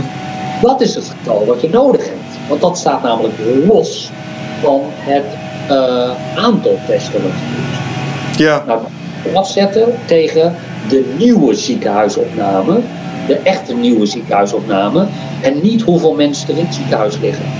Waarom? Omdat, de nieuwe ziek, omdat het aantal mensen wat op het ziekenhuis eh, ligt afhankelijk is van hoe goed de behandeling is. Hoe Mhm. beter de behandeling, hoe minder mensen er in het ziekenhuis blijven liggen. Je gaat van zeven dagen naar twee dagen. Dus het aantal nieuwe ziekenhuisopnames. En als je dat doet, dan heb je een perfecte correlatie. En die hebben wij vastgelegd. We hebben een pagina op chivo.nl. Die heet Corona Monitor. Slash Corona Monitor. Daar zie je dat die perfect loopt. Nou, ik heb daar met Bo van der Ree over gesproken. En die zegt, wow. Maar dit is wat we willen zien. Hmm. Dus er is geen case demic. Er is. Eh, oh, we hebben een verstorende factor. Dat zijn namelijk asymptomatische mensen die wel besmettelijk zijn. Mhm. Ja? En die worden niet ziek, die belanden nooit in het ziekenhuis. Ehm, en, eh, maar die, die, zijn, die zijn wel besmettelijk. En Ja, zijn- duidelijk verhaal. Dat is het meeste wat, ik zo, wat, wat zo creepy is aan dit verhaal. Je kan iemand eh, tegenover je bestaan die het heeft, die het niet weet, die er nooit ziek van wordt. Maar eh, jij of iemand naast jou, eh, die krijgt er wel degelijk last van. Ja, wij zagen het in de zomer. Dan draaiden we van die zogenaamde hittekaarten. Mhm. En eh, dat doe je dan per leeftijdscategorie. Hoeveel, wat is het percentage positief per leeftijdsgroep? Nou, dat is heel simpel. In de groep 2029 begon die te stijgen. Mhm. De week erop ook. En de week erop ook. Totdat er kritische massa is bereikt. En dan zie je het omhoog en omlaag gaan. Dus omhoog is zijn de oudere leeftijdsgroepen. En omlaag zijn de jongere leeftijdsgroepen. Mhm. Die- Als het ware zie je het gewoon uitwaaieren. En dan weet je precies waar het vandaan komt. Ja, scholen. Ja. Ja? En het percentage positief kan niet, kan alleen maar toenemen als er een actief virus is. Want inactieve virussen besmetten immers niet. Mhm.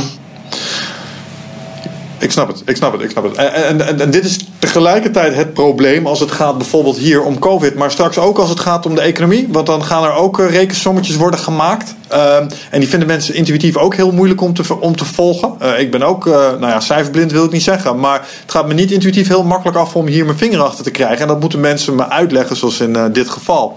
Ja. Vraag. Je zei namelijk iets over eh, de, de maatregelen hebben effect gehad. Ons doel was sturen op het aantal ziekenhuisopnames. Eh, en stel je nou toch eens voor dat we die doelstelling zouden veranderen naar wat het meest gunstig is voor onze bevolking op de lange termijn. Wat zou dat voor een impact hebben wat jou betreft op ons huidige beleid? Wat zouden we dan anders moeten doen? Nou, ik vind dat dan mag het nog strenger. Echt waar? Ja. Huh, interessant. Want wat de meeste mensen wat niet intuïtief is, is dat onze economie gered wordt door de maatregelen. Nou, die mag je even uitleggen, want ik heb een heleboel mensen gesproken die exact het tegendeel beweren hier. Zeker. Ja, maar dat snap ik. Omdat ze alleen maar de nadelige effecten van zien. Hmm. Als je vergelijkt met Zweden. Zweden is altijd eh, tot nu toe het grote voorbeeld geweest van hoe het moet. Ja. Ja? Maar wat je daar ziet is meer doden, meer mensen depressief, meer angststoornissen, eh, meer eh, insomnia, eh, meer mensen met lange COVID, dus lange hersteltijden, Mhm. en een slechtere economie. Hmm. En wat veroorzaakt die slechtere economie dan? Omdat mensen, als ze bang zijn, omdat er geen maatregelen zijn, geen geld uit gaan geven. Mhm. Ja, ja, ja, onzekerheidsprincipe. Dus we houden resources bij ons, want we weten niet wat er komen gaat. Ja, maar dat is wat er blijft gebeuren. En dat is hier ook gebeurd. Eh, ehm, er is een onderzoek geweest, een verschil tussen Denemarken en Zweden. Eh, toen bekend, toen eh, ze hebben de dag genomen dat voor het eerst op de journaals zeg maar het bericht kwam over het virus, dat het Europa binnen was gekomen. Dat was afkappunt. Vanaf dat moment waren de banktransacties met een kwart gedaald. Ja, ja. Nou, Ik, toen kwam de lockdown in Denemarken, maar niet in Zweden. Nou, toen zakte het in Denemarken nog eens extra 4%. Dus dat is marginaal ten aanzien van de 25%. mhm. Oké? Half mei, dus we hebben het hier van zeg maar eind februari tot half mei. Half mei ging Denemarken uit de lockdown, want ze hadden het onder controle. Op dat moment hadden ze gewoon toeristen. Ze hadden alles gewoon weer te draaien. Zweden kreeg daarna pas de grote klap. Hmm. En die heeft op oranje gestaan tot en met 31 augustus. Ze hebben het hele toerismeseizoen gemist. Oké. Ja? Dus wat je ziet is dat maatregelen weliswaar in, eh, op korte termijn voor ons zichtbaar zorgen dat sommige mensen dus eh, eh, failliet gaan. Aha. Ja. Maar ze leiden tot sneller herstel. Ja oké. Dus, dus de pleister er snel aftrekken is wat je zegt. Ja, de landen doen geen zaken met je als jij je zoontje niet op orde hebt. Hmm. En, En dat is de factor die iedereen maar over het hoofd lijkt te zien. Ja, nou, ze- ja, perfect, perfecte voorbeeld daarvan. ik snap hem wel. Zweden is paria geworden voor iedereen. Als het gaat om COVID. Mhm. Ja, en eh, ik heb ook al zitten denken. Straks hebben we het hier in Nederland eh, hebben het, eh, onder de knie. Dan beheersen we het. En dan gaan de grenzen weer open. En dan komen hier straks een paar Amerikanen. Waar een ander beleid wordt gevoerd. En dan is het hier zo weer helemaal hommeles. Dat moet je niet willen. Dus hou die grenzen nog maar eventjes dicht voor wat het is. Dus ik kan me voorstellen dat landen op een gegeven moment een lijstje met landen hebben. Waarvan je gewoon, waarvanuit je niet welkom bent. Omdat daar andere. So, so I kind of get that. Maar toch zijn er ook. Bijvoorbeeld een Ivor Cummings op YouTube. maakt video's over waarom lockdowns niet werken. Je moet lachen, je kent hem. Tuurlijk. Ik, heb met hem, ik heb hem al uitgedaagd voor een discussie. Oké, en wa- wat is, wat is jouw belangrijkste ar- argument tegen zijn eh, theorie? Want ik moet zeggen, wat, wat die man vertelt, intuïtief, it kind of makes sense, man. Alleen, ik ben geen expert, dus ik kan dat niet doorgronden. Dus ik denk, oké, dit klinkt prettig wat je hier zegt. Eh, ik hoop dat je gelijk hebt. Maar, maar waar slaat hij de plank mis wat jou betreft? Nou, ten eerste, eh, Zweden is natuurlijk ook zijn, zijn paradepaardje. Klopt. En dan moet hij verklaren waarom dat nu veel meer, oude men, veel meer mensen gestorven zijn in Zweden dan in Noorwegen en Denemarken en in Finland. Mhm. Ik vind ook dat je die moet vergelijken, omdat het, eh, eh, eh, hoewel het geen seizoensvirus is, heeft het seizoen natuurlijk wel invloed op het virus. Mhm. Ja, Ja? Dus moet je landen kiezen op dezelfde breedtegraad. En je moet landen kiezen met dezelfde welvaartsstatus en dezelfde zorgcapaciteit. sure. Oké? Daarom, en dat is wat hij, daar begint het al mee. Hij ver- begint eerst met Zweden te vergelijken met de rest van Europa. Eh, Ja, oké. Dat is geen zuivere vergelijking, is wat je zegt. Ja, maar omdat mensen blijven pressen, moet hij op een gegeven moment een verklaring komen met de noordelijke buurlanden. Nou, wat hij zegt is: er zijn meer ehm, oudere. eh, eh, hij zegt natuurlijk: er zijn minder oudere mensen gestorven in Zweden in 2019 dan in 2020. Mhm. En dat is de reden waarom het. ehm, eh, waarom, dat ze, ehm, waarom dat Zweden harder getroffen is. Oké? Eh, dat is zijn, eh, zeg maar, de dry Tinder. Ja, exact dat ding. Ja. ja? Het probleem natuurlijk hier is dat we nu in de tweede golf zitten. En kennelijk moeten we naar, moet er een modificatie plaatsvinden op die, uh, op die dry tinder hypothese. En we hebben een nieuwe naam voor. Die infinite dry tinder hypothese. Want ze blijven doodgaan. Snap je? Ja.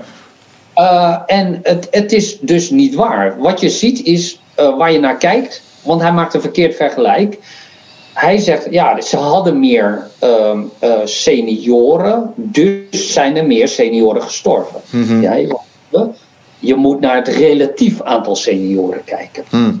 Ja? Als je kijkt naar het aantal doden, dan is het aantal senioren en het aantal doden is ongeveer staat 1 op 1 in Zweden. Ja, maar dat is in Noorwegen niet het geval. In Noorwegen is het aantal doden uh, 1 op 5. Senior. Ja. Hm. Ja, maar wat betekent dat? Dat betekent dus dat als je maatregelen had genomen, dat je dus 80% van je senioren had kunnen beschermen. Oh zo, omdat die in Noorwegen wel daadwerkelijk zijn. Uh... Ja. Ja, ja, ja, ja, ja, ja. oké, okay, check. En, en... Ik zal je vertellen waarom, wat er mis is gegaan in Zweden. Um, zij hebben natuurlijk, ze zijn volledig overrompeld. Ze hadden, een, ze hadden meer tijd om zich voor te bereiden dan wij, hè? Want het kwam vanuit het zuiden. Ja, dus hebben, en dan hebben ze nog verziekt. Dus zij hebben op een gegeven moment gezegd: nee, iedereen eigen verantwoordelijkheid enzovoort. Toen begonnen de ziekenhuizen al heel vroeg te over, overstromen. Hebben ze iedereen gezegd: boven de 70 mag je niet meer naar het ziekenhuis. Oké, ja, maar de 71er is niet de andere 70er, hè? Dus op, op biologische leeftijd is het natuurlijk een beetje een rare triagevorm. Mm Vervolgens zijn er natuurlijk mensen getroffen. Die hebben heel veel pijn. Kenmerkend is pijn aan het hart, pijn in de longen enzovoorts. Nou, dan hebben ze twee dingen gegeven in die verzorgde huizen. Morfine en mitzolampam. Die twee medicaties die onderdrukken de pijn, maar ze doen nog iets. Ze onderdrukken ademhaling. Huh. Nou, daar is een oplossing voor, want dit is een bekend effect. Namelijk, je geeft ze zuurstof. Ja? Dat hebben ze niet in verzorgde huizen. Hmm. En ik heb heel recent een plaatje neergezet van hoeveel mensen zijn er op IC gestorven in Nederland en hoeveel op de IC's in Zweden. Nou, er zijn, er zijn bijna geen enkel, niemand is gestorven op de IC in Zweden, even zwart-wit. En dat komt omdat ze allemaal uh, een vorm, eigenlijk is er euthanasie toegepast in de verzorghuizen zonder toestemming. Mm -hmm. En ik noem dat dan senicide, dus dat is structureel doden van ouderen. Wow, dat is nog wel een heftige claim. eh. Jazeker, ja. Ik ben niet de enige die claimt. Er is een parlementair uh, onderzoek onderweg. Hm. En het Zweedse OMT is inmiddels op een zijspoor gezet. Hm. En, en hoe verhoudt zich dit, uh, en, en, dan kunnen we wat mij betreft door naar een ander onderwerp, maar ik vind het nog even interessant omdat Ivor laat wat mij betreft ook zien dat bijvoorbeeld die tweede golf die je ziet in Europa, Ierland, Engeland, zijn voorbeelden die hij aanhaalt, vertaalt hij dan naar een daadwerkelijk aantal doden.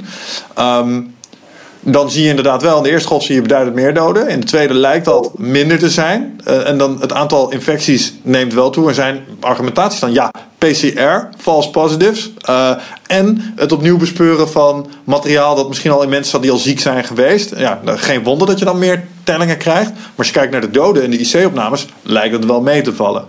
Ja, nou, ik heb net al aangetoond dat, je, dat ze de verkeerde dingen meten. En dat je heel duidelijk dat de PCR-testen de ziekenhuisopname uh, consistent goed voorspellen en in dosis respons. Hm. Um, dus als, als er een grote stijging is in percentage positief, neemt ook de ziekenhuistoename groot toe. Okay. Dat is dosis respons. Dus zijn verhaal klopt niet. Dat komt omdat hij de verkeerde dingen meet. Hm. Dus dat is één. Het tweede probleem wat hier uh, ontstaat, is dat hij voor zijn beurt spreekt. Hij begon al, ah kijk zie je wel, uh, Zweden heeft uh, groepsimmuniteit enzovoorts. Ja? Nou, ze vallen daar gewoon bij bosjes neer op dit moment. En Technol heeft uiteindelijk nu vorige week toegegeven, groepsimmuniteit is hier niet bereikt. Dus ik zei, ik, ik weet niet of ze groepsimmuniteit hebben, maar hij wist zeker dat het er wel was. Mm -hmm. En daar, daar ben ik mee begonnen. De wijsheid vereist dat je je plas inhoudt. Ja. Als virus hebben. Ja, je moet hier over, over dit statement eens nadenken. Het is een seizoensvirus. Oké, dat vind ik een mooie claim. Maar we, zijn nog niet, we hebben nog geen jaar afgerond. Hoe weet jij dat het een seizoensvirus is? Volgens mij kun je dat pas officieel zeggen als je twee volle jaren gedraaid hebt. Dan zou je misschien iets van een patroon kunnen ontwaren. Precies. En dus alleen die claim al geeft al aan, als je daar zo stellig in bent, dat dat niet klopt. Ja. Nou, ik heb meerdere malen uitgedaagd eh, voor een discussie op LinkedIn. En ik kreeg te horen, eh, je bent dom, je snapt het niet. En je bent een visio, hou je bezig met je vak. Want, en dat is niet eens een vak. Nou, ik ben en geen visio. Eh, en ik ben eh, zeker niet dom. Ehm, maar dat zijn de enige reacties die ik heb gehad. Hmm, dat is een beetje zwarte bot, vind ik. Dat vind ik jammer. Dat vind ik jammer. Ehm, Oké, check. Maar, maar het illustreert volgens mij. Op Sorry? mijn LinkedIn. Wat zei je? Je kunt het ook gewoon terugvinden op mijn LinkedIn. Oké, je kan dit, dit is gewoon publiek. Dit waren geen privéberichten. Dit kun je gewoon. Oké. Nee, ik doe niet aan privéberichten. Mooi. Ja, transparantie. Je gaf het al aan. Het is belangrijk in dit soort processen. Ja. Ehm, Oké, duidelijk verhaal. En ik denk dat dit, dat dit eh, een mooi voorbeeld is van ehm, de verwarring tussen informatie, kennis en wat je er dan vervolgens mee zou moeten doen. Eh, want kijk, ook hier. eh, I drank this Kool-Aid. Eh, Ik ben niet in staat om dat eh, op, op een goede manier eh, te onderscheiden van juiste informatie of valse informatie. En ik weet zeker dat naar aanleiding van deze podcast zullen in de comments weer allerlei argumenten terechtkomen waarom het wel zo is. En, en dat is het moeilijk hieraan, man. Om dat op een juiste manier dan te vertalen naar wat je zou moeten doen als mens. Nou, kijk, wat zo mooi aan jou is gewoon dat jij gewoon vragen durft te stellen.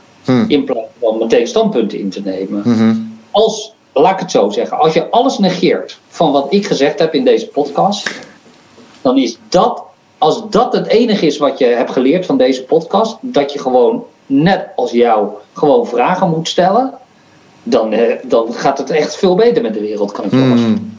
Ja, Uh, maar ehm, daarom zei ik ook, eh, zo, zo, zo Café Weltsmerks enzovoort, jij kunt niet interview, interviewen zonder dat je tegengas gaat geven. Dat kan niet. Al is het alleen maar in de vorm van vragen. Hoe zit dit dan? Hoe zit dat dan? Ja, ik zeg niet dat je vijandig moet zijn, maar geef tegengas. Ehm, dus daarom zeg ik ook altijd: als je, als je niet jaren in deze materie wil eh, eh, duiken, eh, volg dan discussies waarin men tegengas krijgt. Kijk dan naar die vier factoren. Ja, ja. Oké, nou in- het kader dan van de inhoudelijke tegengas heb ik nog een aantal vragen voor je, want eh, die, die, eh, die, die horen bij dat verhaal. De eerste was, ehm, en dat is ook een, een stokpaard van Maurice geweest, Maurice volg ik ook. Ehm, eh, en, dus op PCR, klote medium, geeft helemaal verkeerde beelden, want eh, false positives. Eh et cetera, et cetera. Het is er niet voor bedoeld. De maker heeft het nooit eh, bedacht om dit te doen. Eh, ze zijn aan het sleutelen met de cycli. Dus de uitvoer van de test gaat van 25 naar 50. Vind je meer materiaal. En dat zijn allemaal argumenten die mensen aanhalen om te zeggen... ja, die stijging, het is leuk, het zal ongetwijfeld zijn. Misschien is hij niet zo stijl als hij nu wordt verkocht aan ons. Ehm, dus wees daar ook eh, sceptisch over. Nou, wa- waarom is, mag je daar wel degelijk op sturen wat jou betreft? Omdat hij niet kijkt naar de juiste getallen. Hij, hij kijkt niet naar percentage positief versus de ziekenhuisopname. Dus die eerdere verhouding waar je het net over had. Als je in week 1 1000 test, 5% positief. Week 2 500 test, 100 positief. Dan is dat nog steeds een toename van 15%. Eh, en dat is, dat is iets, daar moet je iets mee. Ja, zeker. Ehm, je kunt het. Nou, ik weet niet. Zou jij of je scherm willen delen of, of, of iets in die richting? Dat je heel even die grafiek eh, op mijn eh, website naar boven haalt? Sure man, no worries. Ga je me even vertellen? Want de, dis, de, de dingen die eh, Maurice nu aanhaalt, is precies wat eh Bo van der Ree eh, ook aanhaalde. De hoogleraar bij, bij Nijrode. Ja. Ja, en hij heeft gisteren gezegd: Wow, deze grafiek, die, die snap ik. Top. Ik ga even naar je website vertellen en dan deel ik dat scherm even. Ja, en dan ga je naar uh, chivo.nl slash eh, coronamonitor. Ja, ik had hem, hij staat ook in je kennisbank. Ik had hem vanochtend al gevonden in de prep op deze podcast. Heel goed. Even alle pornotabbladen sluiten, wacht even. Ja, heel goed. Even kijken, de coronamonitor, daar is hij. Ehm even kijken. Die eerste tabel met die heatmap erbij ook? Ja, die eerste eh, tabel. En het gaat om de linker dan. Ik weet niet eens of je daar op kunt klikken en uitvergroten. Weet ik niet eens. Nou, komt goed. Here we go. Zo. Is dit te zien voor jou? Ja, is uitstekend. Perfecto, ja. Ik hoop dat. eh, nou gaat er alleen even iets niet zo lekker volgens mij in de opname van eh, het beeld. Iedereen zit nu naar mijn desktop te kijken. Wacht even, ik gooi hem maar even op dit scherm. Zo, beter. Oké, there we go. Ja, die linker, eh, dat linker tab, of die linker grafiek. Ja, heel duidelijk. Nou, wat je ziet zijn die balken en je ziet die lijn. Mhm. En de balken, dat, zijn, dat is het percentage positief wat getest is. Op Juist. elke week. Ja. Vanaf week 37. En, eh, Dus het percentage van de populatie getest. Dus als we de 10.000 hebben getest, dan was 18,4% daarvan was positief in week Correct. 43. Ja, oké. ja. en die lijn, dat zijn de nieuwe ziekenhuisopnamen. Mhm. Nou, die zie je, dat is de linker eh, verticale as. Dus die loopt van 0 tot 2500. Ja. En rechts is het percentage positief. Nou, wat je ziet is als het percentage positief stijgt, dan zal, eh, de, zullen de ziekenhuisopnamen de week erop toenemen. Mhm. Percentage positief daalt, zal het ook een week duren voordat de ziekenhuisopnamen dalen. Mhm. Nou, als je kijkt naar eh, die piek van 18 en 18,4, dat is het hoogste punt, dan zie je dat de week ervoor was 15,2. Ja. Dat is de week op woensdag dat de horecasluiting van kracht ging.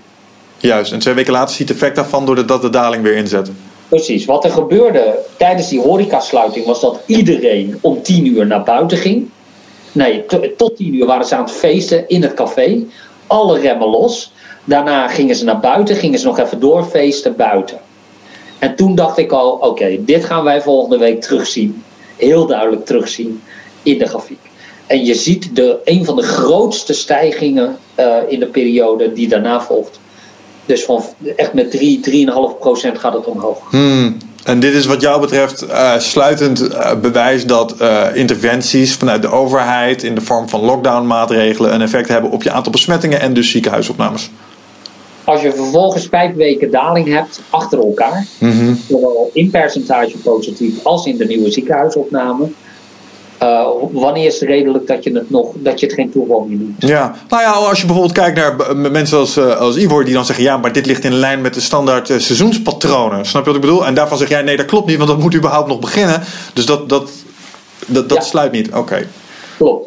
Dan moet je gewoon de niveldata kijken naar griepvirussen en eh, respiratoire virussen. Ja. Eh, en dan ga je zien dat die, eh, dat die in oktober helemaal niet aanwezig zijn. Dat is gewoon niet waar. Interessant. Oké, nou ja, duidelijk. En zo zie je toch maar dat dat, ja, we hebben het al eerder geconstateerd. Het is, het is complexe shit en je moet er echt induiken eh, om de nitty-gritty details, waar het dus daadwerkelijk echt om gaat, om die boven water te krijgen. En, en jij zegt dus, als we deze crisis willen navigeren als Nederland, hier zie je wat bewijs. Eh, interventies helpen gewoon, dus eh, jij zegt het mag zelfs nog wel strenger. Zeker. Wat, wat Ik zou je... een voorstel zelfs. Let's go.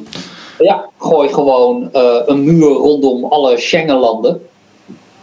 Dus alle landen waar wij vrij mogen reizen. Mhm. Dan gaan we met z'n allen twee maanden in een lockdown. En daarna gaan alle grenzen open, vrij verkeer in de Schengenlanden. En de rest moet in quarantaine als ze het Schengengebied in moeten. Dit is wat ze in Nieuw-Zeeland doen. Dit is wat ze in Australië doen. Ja. Ja, Ja, in Nieuw-Zeeland zitten ze met z'n allen gewoon weer vrolijk in stadions met elkaar. Eh, Dus eh, ja, klopt. Daar deed de premier een dansje. Ja, dus wat je hier, hier ziet is dat je kunt zeggen, ja, we, doen, eh, we gooien alleen Nederland dicht. Maar dat, dat is onpraktisch, omdat er zijn mensen die in Nederland wonen, in Duitsland werken. En andersom. Mhm. En Luxemburg is al helemaal een hel, want ik geloof dat twee derde niet in Luxemburg woont. Maar, Oh zo, ja. ja? Dus als wij gewoon zeggen, joh, we hebben, we hebben die jurid, dat juridische raamwerk hebben we al. Eh, we, gooien, we gooien dicht, we gaan met z'n allen in lockdown. Dan eh, kunnen we vervolgens gewoon op vakantie. Mhm. Maar naar Spanje, naar Griekenland. De economie van Spanje is volgens mij 15% draait op toerisme. Ja. Griekenland 25%. Laten we daar ons geld heen brengen. Alsjeblieft. Dan gaan zij meer verdienen, kopen ze zooi bij ons. Ja. Uh, onze export bestaat al 70% van Nederland. Uh, gaat naar Europa toe. En dit is wat mij betreft, uh, lost dit meteen een aantal problemen op. Eén is dat we ontdekken dat we samen sterker zijn. Dat is één. Het Geopolitiek gezien ook bedoel je? Ja, dat we, sterk, dat we sterker zijn tegen als wij de speelbal worden van China en de VS. Mm Dat als vier jaar Trump ons iets geleerd heeft, is het wel dat wij echt een keer op eigen poten moeten gaan leren staan. Mm ja. En het derde is dat dit het draaiboek is voor de volgende pandemie. Ja, oké, check. Ja, ja oké, die voel ik ook wel. Wat je daar straks zei over het feit dat dit waarschijnlijk vaker gaat gebeuren. Kijk, als, als dit er een was geweest als met, met, met wat uh, eigenschappen zoals ebola heeft, dan was het dan, game over, man. Dan was het klaar geweest nu. Ja, ja het grote voordeel van uh, ebola is dat het heel dodelijk was. Ja, precies. Zodat het, ja, ja, gruwelijk eigenlijk als je erover nadenkt. Dat het zo dodelijk is dat het zichzelf niet goed, niet snel genoeg kan verspreiden. Ja. Ja, count your blessings ergens. Maar desondanks. Oké, okay, um, dus, dus dat over uh, zeg maar lockdowns, maatregelen hebben effect. Je zegt, joh, Schengengebied, uh, lockdown met z'n allen. Um, als we dan kijken naar een aantal dingen die we um, nu gaan doen. Uh, eerste waar ik het even over wil hebben is mondkapjes. Zinnig ja. of onzinnig? Zinnig. Zinnig. Waarom wel? Heel beperkt. Wel beperkt zinnig. Kijk, allereerst moeten we uitleggen waarom een mondkapje kan werken als een virus kleiner is dan een maas. Ja. Van, dan de stof. Kan dus door de stof heen. Daar is geen discussie over. Ja? Maar dat komt omdat je het vergelijkt met een vergiet. Maar een masker is geen vergiet. Een masker werkt als een swiffer. Mm -hmm. En wat doet een swiffer? De stof blijft kleven aan de swiffer. Eens. Oké, okay. dat is diffusie. Dus dat is een natuurkundig principe. Um, dus maskers houden daadwerkelijk virussen tegen. Ook al zijn de virussen kleiner dan de gaten. Mm -hmm. Dat is één. Het tweede is, hoeveel dan? Juist. Niks procent. Nou, dat is inmiddels nu zo vaak getest dat we tot de conclusie komen dat het ongeveer, zeg maar, die dubbele, die, die katoenmaskers, uh, maar ook die wegwerpmaskers, um, die zijn ongeveer, als jij een masker op hebt en jij, uh, uh, en je bent de ontvanger, ja. Dan is dat 40%. Het, houdt on, het is 40% effectief. Zo. Maar als jij, de, als jij masker op hebt en jij bent de verspreider, dan is die voor mij ja. 50% effectief. Zo, hier zouden een heleboel mensen uh, nog wel een, een, kritische noot bij willen zetten als het gaat om die effectiviteit. Dat, dat zullen ze simpelweg niet geloven of nu snoeihard beweren. Nee, dat klopt niet. Nou, op die coronamonitor, die pagina, staan onderin een veel voorkomende vragensectie. Uh, mm -hmm. Daar staan, zijn maskers veilig, zijn maskers effectief.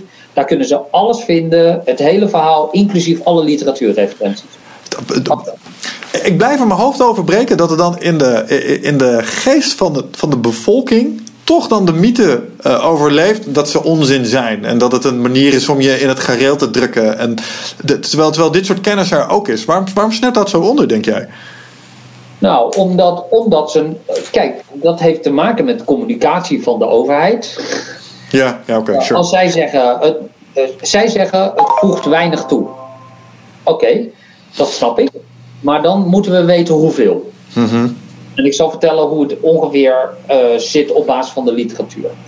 Je moet ervan uitgaan dat um, of het aerosolen zijn of grote druppels, maakt eigenlijk niet zoveel uit. Maar binnen een meter, als je een kwartier binnen een meter van een persoon bent, is de besmettingskans 12,6 procent. Hm. Ben ik net buiten de meter, ja, ja. dan zit 2,6 procent. Hoeveel? 2,6. Dus 12,8, sorry, 12,8 versus 2,6. Dus die halve meter vermindert de kans dat je besmet raakt met bijna 10 Uh, 5, 6 procent. Oké, okay, ik maak een rekenfout, maar dus die halve meter doet al, uh, doet al het, het, risico op besmetting verminderen, echt? Ja, een meter, sorry, een meter. Oké, okay, maar maakt niet uit. Die, die social distancing, anderhalve meter, doet daadwerkelijk iets? Zeker. Oké. Ja, dat is de reden waarom dat, eh, de WHO een meter zegt. Nou, eh, in de States hebben ze het over 6 feet, 1,8 meter, bijna 2 meter. En wij, wij zijn altijd soort middle of the road, dus wij zitten op anderhalve meter. Ja. Ehm, dus dat, dat is, zijn de getallen. Oké, laten we even die 12,8% pakken. Stel je voor dat het masker 40% beschermt. Dan ga ik van 12,8 naar 5,1. Dat is nog altijd twee keer zo hoog als wanneer ik afstand hou, want dat is 2,6. Mhm. En als ik er dan ook nog eens een masker bij op zou dragen, dan ben ik extra veilig. Oké, check. Ja. Ja, zeker. Dus, uh, oké, dus het kabinet zegt: luister, we hebben gewoon- je moet gewoon afstand houden. Die maskers gaan niks toevoegen. Mhm. Maar Ja. dat was niet juist. Nou, dat is in de basis juist. Als jij gewoon anderhalve meter afstand houdt, of twee meter afstand houdt, dan gaan die maskers nauwelijks iets toevoegen. Juist. Dus leggen is waar, maar. ehm, eh, en, en daar zit het, maar daar zit ook het probleem. Want nu komt erachter dat, eh, dat, eh, dat, de masker, dat mensen geen afstand houden. Dus dan worden maskers belangrijker. Mhm. En, maar als je dan nog steeds ziet dat het, dat het maar 40% beschermt, dan is het effect dus relatief klein. Mhm. Dus dan heb je een nerd als Jaap van Dissel en die zegt ja, dat werkt dus niet. Ja, maar dan zou je zeggen, eh, dat is niet waar, het werkt wel, maar niet heel veel, maar genoeg om een effect te kunnen sorteren, dus de moeite waard, zou je dan zeggen, als je wijsheid zou betrachten, toch? Nou, we zitten daar nog tussenin. Wijsheid zou zeggen: oké, het werkt wel. En het werkt een klein beetje. Is dit, en, en wijsheid zou zeggen: is dit voldoende om dit af te dwingen? Dat is Juist. de vraag die je zou willen stellen. Is Hoezo? dit proportioneel? Eh, zonder dat je daar antwoorden op hebt. Maar het gegeven dat je eerst zegt: wacht even, maar er zijn zoiets als feiten. Kunnen we die eerst vaststellen? Dat is het eerste proces. Hmm. Maar dan wordt aan voor. Maar ja, Van Dissel is daar dus onduidelijk in. En die zegt: ja, maar luister, als ik dat allemaal echt ga uitrekenen. dan hebben mensen 200.000 eh, eh, mensen moeten elkaar besmetten. voordat er met maskers dragen één iemand eh, minder besmet wordt of zo. Mhm. Ja? Maar dat is maar één deel van het verhaal. We hebben nog een tweede deel van het verhaal. En dat is dat. Dat heeft te maken met virale lading. Mhm. Bij dieren weten we, bij mensen hebben we dit soort experimenten niet, omdat het onethisch is om te doen. Maar bij dieren weten we dat de, de hamsters die een masker op hebben, en dat soort proeven zijn dus gedaan, die hebben gewoon minder symptomen. Ja. Dat zijn experimenten geweest. Maar we weten het ook uit de observaties. Alle gesloten plekken, ehm dakloze centra en gevangenissen, waar, ze, waar maskerplicht is, heb je meer asymptomatische mensen. Dus ze raken wel besmet. Eh, Maar ze, hebben geen symptomen. Ja, en dat zit, dat zit hem dus in de hoeveelheid vir- virusdeeltjes die je binnenkrijgt. En afhankelijk van of jij een masker wel of niet gebruikt, of goed ventileert of niet, ehm, is die viral load dus lager en dus het risico voor je gezondheid is dus lager. Ja, want er, gebeurt, er is zelfs nog een aparte hypothese, die, zullen we, die zal een, een keer getoetst moeten worden. Is dat je voldoende virus krijgt om het immuunsysteem te activeren en te leren, maar niet ziek wordt. Ja, dat, is, eh, dat, dat noemen ze dan als je het even in de neus hebt gehad. Dus als jij in het passeren in de winkel iemand bent tegengekomen die een klein beetje virus eh verspreidde, en dat kreeg jij binnen, eh, dan is dat voor mijn lichaam oefening, target practice, en daarmee zal mijn immuniteit ook toenemen. Ja, dat is nog een hypothese die nog bewezen moet worden. Hmm. Was, is dit waar voor andere ziektes? Dat, dat het in de neus krijgen de immuniteit verhoogt? Immuniteit specifiek voor dat virus, ja. Ja, precies. Ja, nee, niet in brede zin. eh, lo- logisch. Maar dat Eh, wordt wel geroepen, hè? Oh, dat, dat, dat de immuniteit voor een, eh, het ene COVID-virus of het influenza-virus je immuniteit voor deze specifieke ook verhoogt. Maar Ja. dat, is, dat is niet. Dat is van de week ontkracht. Oké, experiment. Hmm, duidelijk. De T-cellen reageren niet van, op, op SARS-CoV-2 als ze blootgesteld zijn aan. Ja, oké. ja. Wil ik nog even een ander ding uh, over je hebben waar jij ook uh, onderzoek naar hebt gedaan. Want dat is voor mij eigenlijk een klein beetje de missing piece nu om te kijken of ik, uh, hoe, hoe, spannend ik COVID eigenlijk echt vind.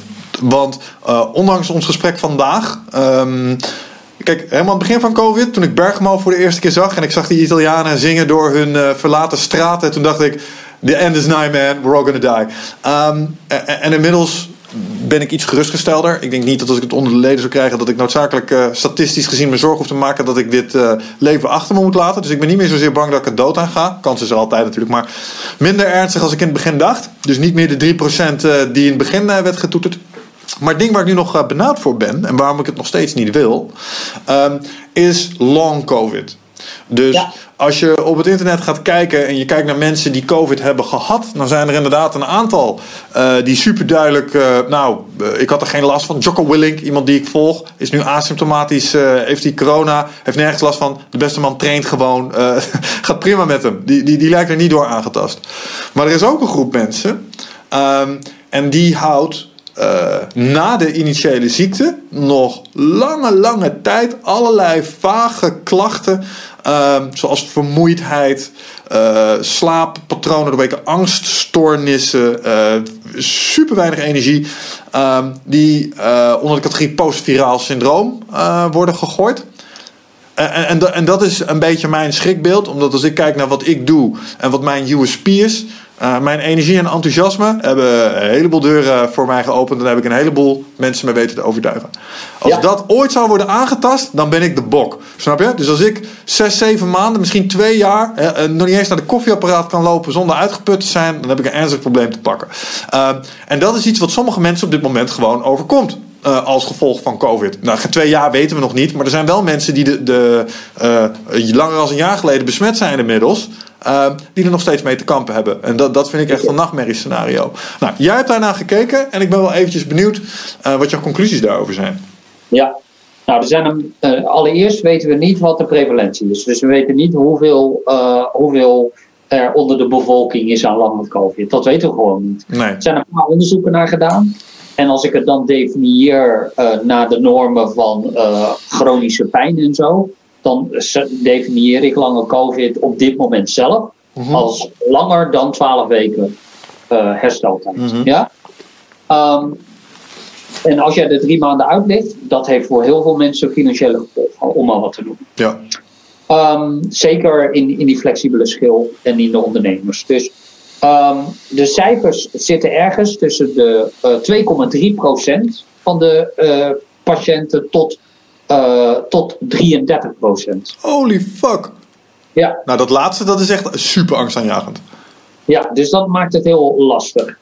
Uh, wat is het verschil tussen die twee? Die 2,3 procent, die groep was niet representatief. Dus dat was gewoon van, ja, we hebben een app met mensen. Er is een grote COVID-symptom-app. Mm -hmm. duiken. En daar hebben ze een paar uh, duizend man uitgetrokken. Uh, of een paar honderd man, eerlijk gezegd. En daar hebben ze eerst ook gekeken naar uh, uh, PCR-testen als bevestiging. Hmm. Uh, zeker in die eerste golf is een hele grote groep is nooit getest. Dus dat betekent al dat, het, dat de meeste mensen niet uit die eerste golf komen. En dan zeg je, ja, maakt dat uit? Nou, als virale lading daadwerkelijk een belangrijke factor is in de hoeveelheid symptomen, hoe ziek je kunt worden, mm-hmm.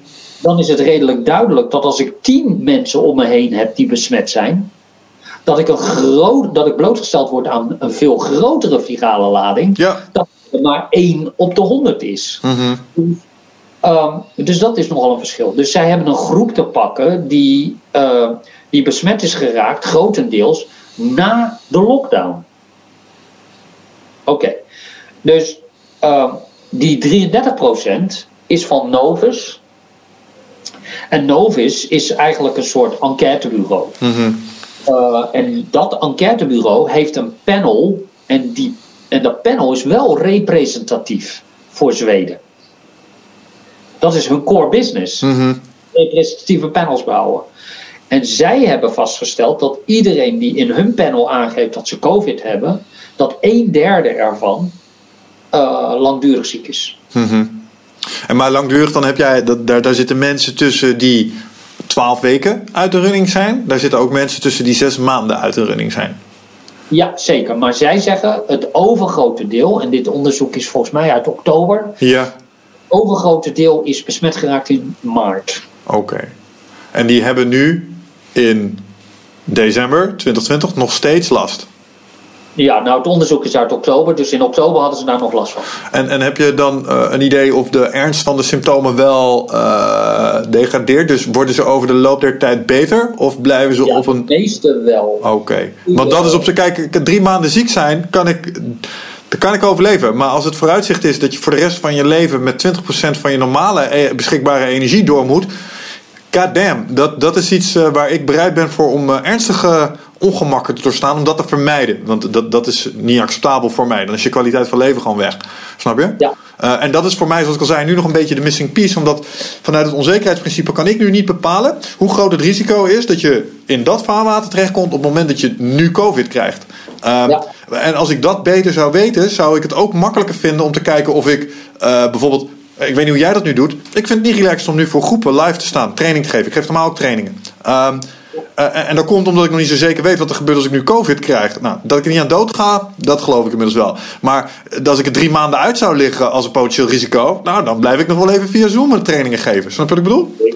Ja, nee, ik, ik, ik, ik zit alleen maar online. Al onze opleidingen zijn meteen vertrokken naar online. Ja. Uh, en, en, hoe schat jij dat risico nu, nu, nu in dan? Uh, dus stel jij zou een gemiddelde persoon om je heen zou COVID krijgen, iemand waar je van houdt. Hoeveel zorgen maak jij je dan om zo'n persoon? Als, als je kijkt vanuit overlevingsperspectief en vanuit chronische aandoening.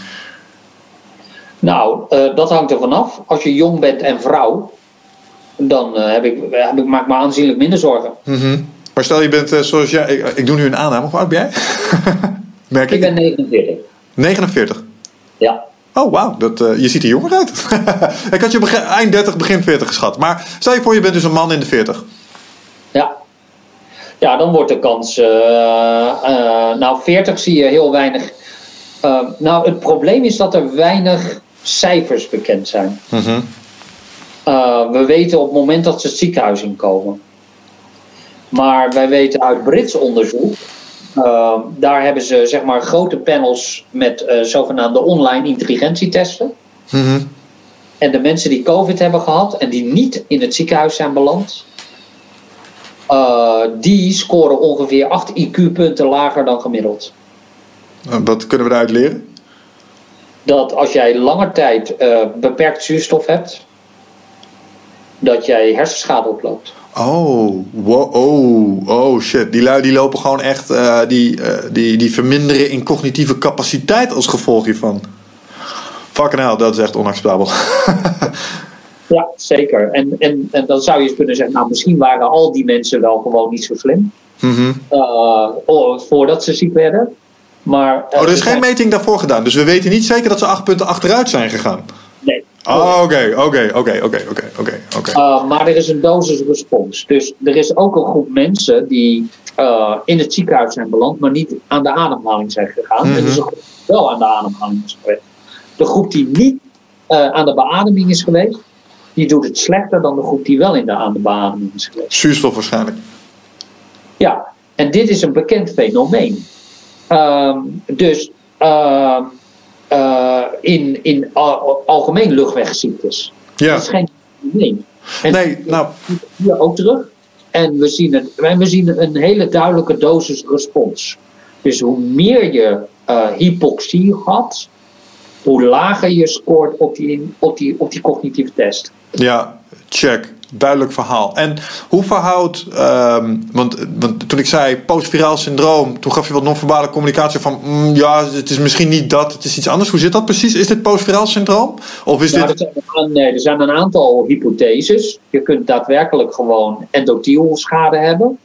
Uh, dus de, de, de wand van de bloedvaten uh, speelt heel veel, heeft heel veel, uh, speelt in, uh, ja, heel veel effecten, heel veel verschillende vormen van fysiologie. Mm -hmm. uh, en uh, um, als je daar het virus huishoudt en je hebt daar een enorme strijd met het immuunsysteem.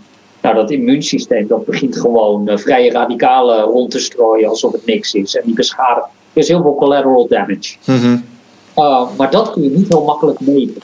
En dan, als jouw bloedvaten naar je, bijvoorbeeld jouw zenuwstelsel, centraal zenuwstelsel beschadigd is, dan uh, uh, hebben, hebben we daar meer nog een fysiologisch fenomeen.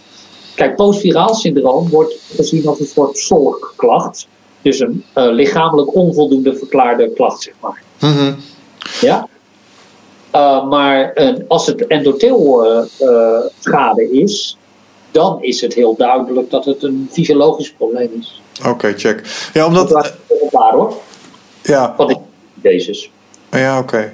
Ja, omdat in de vergelijking met. Um, bijvoorbeeld, kijk, om het proberen te relativeren en te plaatsen in mijn bekende wereldbeeld is de vergelijking met de griep door iedereen veel gemaakt. Nou, ik zag op een gegeven moment de, de hè, waar we het net over hadden, de IVR, CFR, zag ik een beetje richting die kant op schuiven. In ieder geval vanaf de 3% wegbewegen. Dus dat was een prettig idee. Um, ja. Uh, en toen kwam ik er daarna achter, oké, maar er is, hè, je hebt de long covid. Maar toen kwam iemand van ja, maar Mies, wist je wel dat je dat ook van een echte griep, kan je dat ook gewoon oplopen. Uh, als, je, als je een longklachten hebt gehad of je hebt een longontsteking gehad, is het niet ongebruikelijk voor mensen die dat uh, hebben gehad, dat ze soortgelijke symptomen hebben. Um, en de reden dat dat ertoe doet voor mij, is omdat, als het gaat om griep, ik heb me er nooit zorgen over gemaakt. Als ik griep had, dat is nog nooit een gedachte bij mij geweest. Terwijl het ook gewoon kon. Snap je? Um, en omdat het nu geframed is en uitvergroot is, is het ineens wel een zorg. Dus wat ik probeerde te doen is van, ja, maar hoe verhoudt zich dat dan tot, tot het gegeven dat griep dat ook had? En hoe groot is de percentage kans daarvan? Hoe heb ik me daarop gedragen? Uh, en ben ik dan nu niet aan het overreageren? Is de puzzel die ik probeer op te lossen. lossen. Zeker. Ja. Uh, de, de schattingen die daarvan zijn, is dat dat op 0,82% ligt. Dat, dat, welk stukje precies? Griep postviraal syndroom. 0, dus ja, minder, minder dan 1% van de mensen die griep heeft gehad, loopt zoiets op. Uh, en van COVID weten we het dus nog niet, maar misschien wel 33% is wat jij zegt.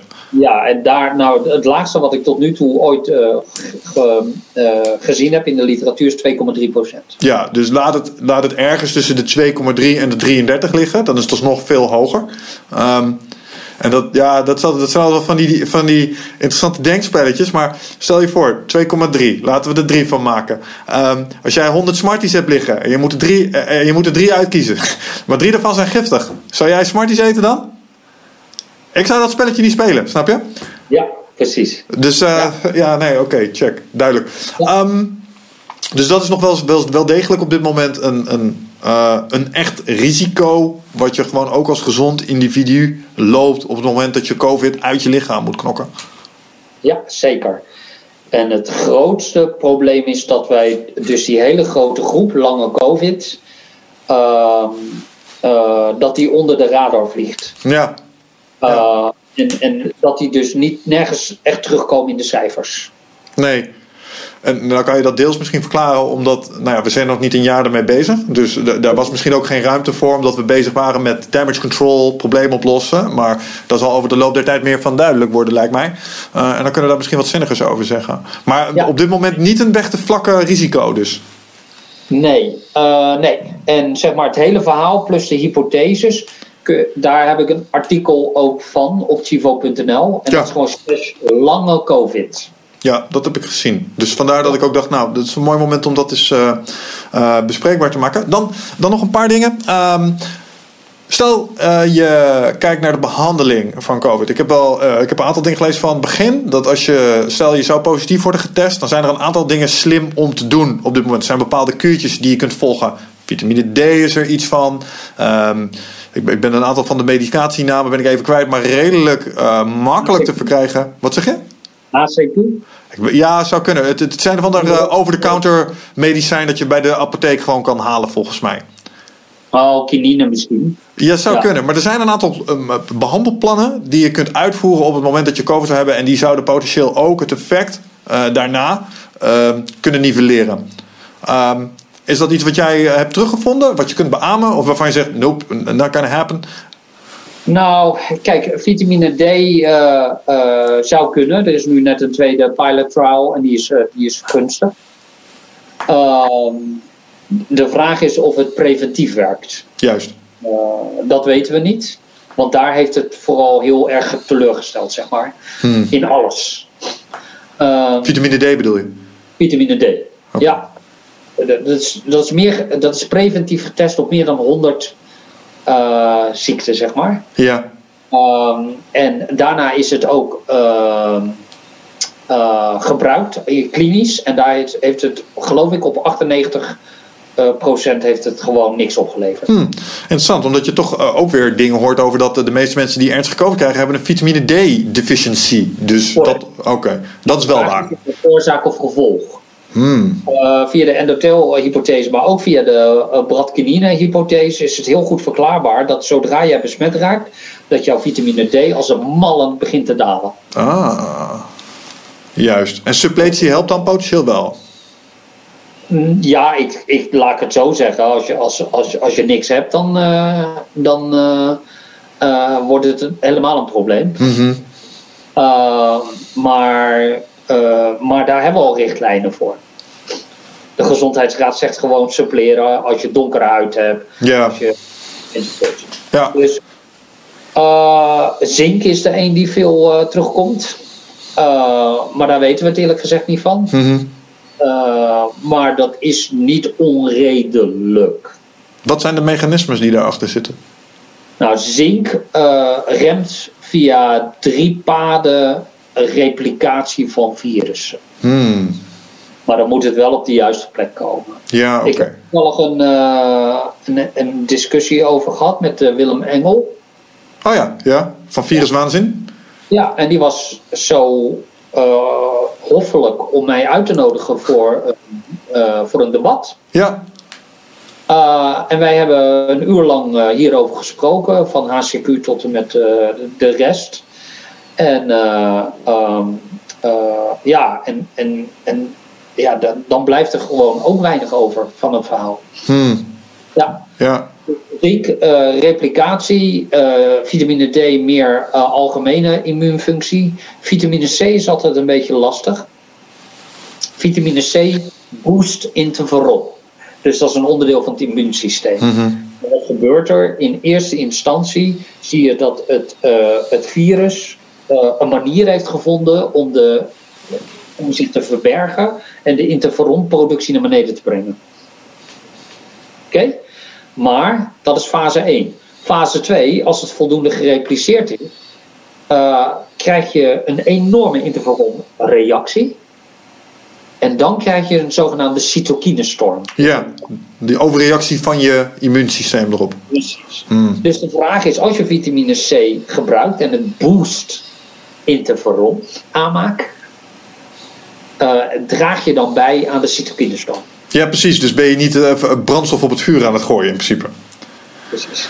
En dat weten we niet. Ik bedoel, ik kan, ik, dat weten we niet. Ik kan alleen zeg maar mechanisch beschrijven wat, wat, wat de plausibele werking zou kunnen zijn. Mm -hmm. En wat de nadelen zouden kunnen zijn. En voor de rest heb ik daar geen antwoord op. Nee, maar ook hier wordt weer pijnlijk duidelijk dat het vaak genuanceerder ligt als het zeg maar in de. Ja, hoe, hoe, hoe het wordt gecommuniceerd, hoe mensen het brengen. Er zit altijd een bepaalde mate van stelligheid achter, die als je niet oppast, uh, door mij ook gewoon als waarheid wordt overgenomen. Van, oh ja, maar vitamine D is het toch? En als je dan weer de krochten induikt, dan kom je erachter, nou, bijna, maar nog net niet helemaal. En, en wederom is volgens mij een van de onderliggende problemen als je kijkt naar de dynamieken die er nu allemaal spelen. Um, dit, dit gebrek aan nuance zo af en toe. Ja, hmm, nou zeker. Oké, okay. laatste onderwerp. En dan laat ik je graag aan je dag over. Um, want we zitten alweer bijna op uh, twee uur. Tijd vloog, man. Dat uh, ging echt goed. Wow. Ja, ja, ja, ja, ja. ik had het ook. Um, maar de vaccinaties. Uh, omdat als je kijkt naar hoe COVID beleefd wordt door mensen. Als ik kijk naar de onderwerpen die we zo af en toe bespreken. En, en de reacties die daaruit voortkomen vanuit onze achterban alleen al. Nou, dan weet ik dat we onze borst nog wel even kunnen nat maken als het gaat om vaccineren. Een potentiële impliciete vaccinatieplicht. Uh, en, en alles daaromheen. dat gaat nog wel wat water door de Rijn voordat we dat achter de rug hebben. Um, maar hoe kijk jij aan tegen de vaccinaties? Moeten we dat doen of niet? Wat zou je mensen willen vertellen die erover twijfelen? Um, wat vind je ervan? Ja, ik moet bekennen dat ik daar gewoon. Ik volg het, maar ik weet daar te weinig van. Want okay, wat we nu, nu toe gezien hebben, zijn een aantal persberichten. Sure. Uh, en ik raak zelden opgewonden van persberichten. ja. dat, is het. En ik volg wel, uh, zeg maar, alle draadjes die daarover gaan. En ik heb wel de. zeg maar de voorstellen, want je moet een voorstel indienen bij de FDA, wat je gaat doen enzovoort. Die heb ik allemaal gelezen. Oké. Ehm, en dus, ik, maar we hebben geen data. We weten niet. We, we weten alleen maar, zeg maar, een soort van een samenvatting van de cijfers. Hmm. Oké, laten we de vraag helemaal formuleren dan. Gelet op wat je eerder zei over dat maatregelen een effect hebben gehad. En je zou nu de keuze worden gegeven vanuit je overheid om te vaccineren. Zou je het dan, gelet op wat je er nu over weet, wel of niet doen? Um, nee, wat ik. Ja, maar dat maakt het een beetje lastig. Uh, om dat te beantwoorden. Omdat ik uh, een beslissing moet nemen over iets waar ik niks van weet op dit moment. Nee, maar dan zou je dus zijn vanuit je persoonlijke uh, vitaliteit, soevereiniteit, laten we het maar eens zo zeggen. Zou je zeggen, ik weet nu nog niet genoeg om volmondig ja te kunnen zeggen tegen, een eigen, tussen mezelf, tegen mezelf laten vaccineren. Ja, daar komt het wel op neer. Oké, en, en, en, waar zou je dan op letten? Als je, wat, zou de, wat zou een doorslaggevende variabele zijn hierin voor jou? Nou, op het moment dat er publicaties bekeken worden, dan ga je zien dat iedereen erover valt. Mm-hmm. Dan komen er allerlei voor- en tegenargumenten.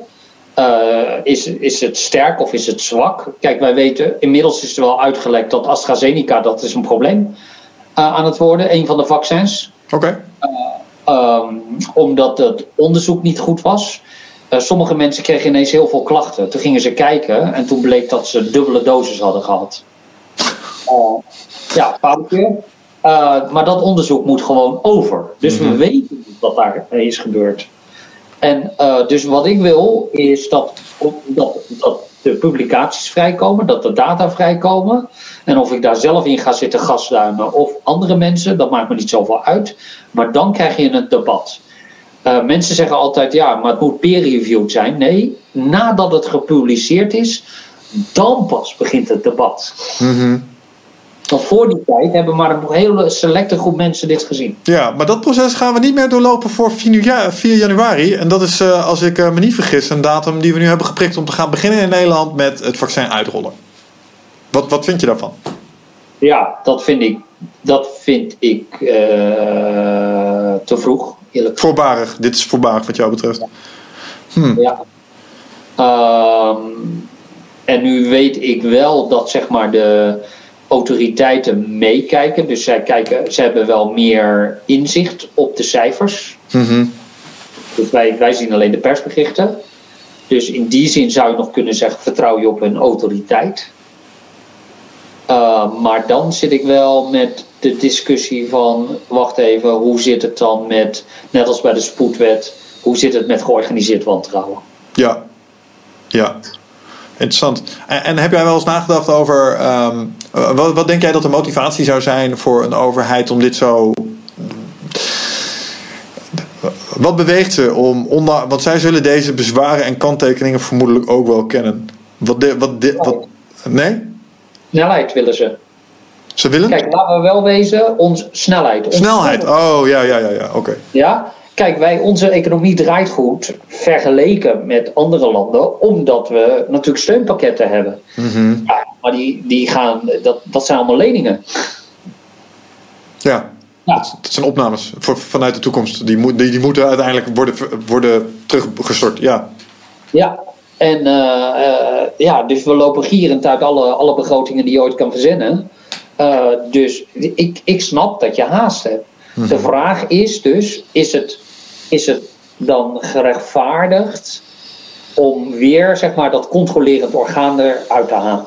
Ja, dat zal ten alle tijde intact moeten blijven. En is volgens mij ook randvoorwaardelijk voor dit kunnen uitrollen binnen je bevolking. Of tenminste, dat zou de bevolking moeten eisen op zo'n moment. Ja. Oké. Okay. En dan een interessante gewetensvraag. Stel je nou toch eens voor dat die dingen uitblijven. En uh, we, vanaf 4 januari zien we dat eerst de belangrijkste groepen worden gevaccineerd. Ouderen, ouderen met aandoeningen, mensen in de zorg. Uh, en vervolgens komen er allerlei rand... Uh, zeg maar checks die bijvoorbeeld voor zorgen dat ik straks niet meer naar het buitenland kan als ik niet gevaccineerd ben. Of ik mag niet meer naar de bioscoop als ik niet gevaccineerd ben. Vanuit, een, vanuit de staat die het vaccin nu heeft. Um, en je kijkt er vanuit een ethisch, moreel standpunt naar. Wat, wat moet je als burger dan doen? Want ik, ik, ik, ik, uh, ik hoor dat. Wat zeg je? Dan moet je een rechtszaak aanspannen. Een rechtszaak aanspannen, juist. Ja. Want dit is. want dan, dan, kijk, er is gewoon vrijheidsbeperking. En dan, dat mag. we hebben op veel grond een vrijheidsbeperking. maar dan moet je het ook kunnen onderbouwen.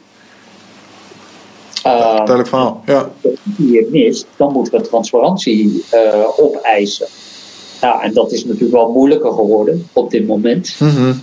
Ehm, maar uh, ja, wij moeten op een gegeven moment uh, dat niet loslaten. Wij moeten op een gegeven moment zeggen: luister, dit is, dit is volgens mij nog steeds een democratie.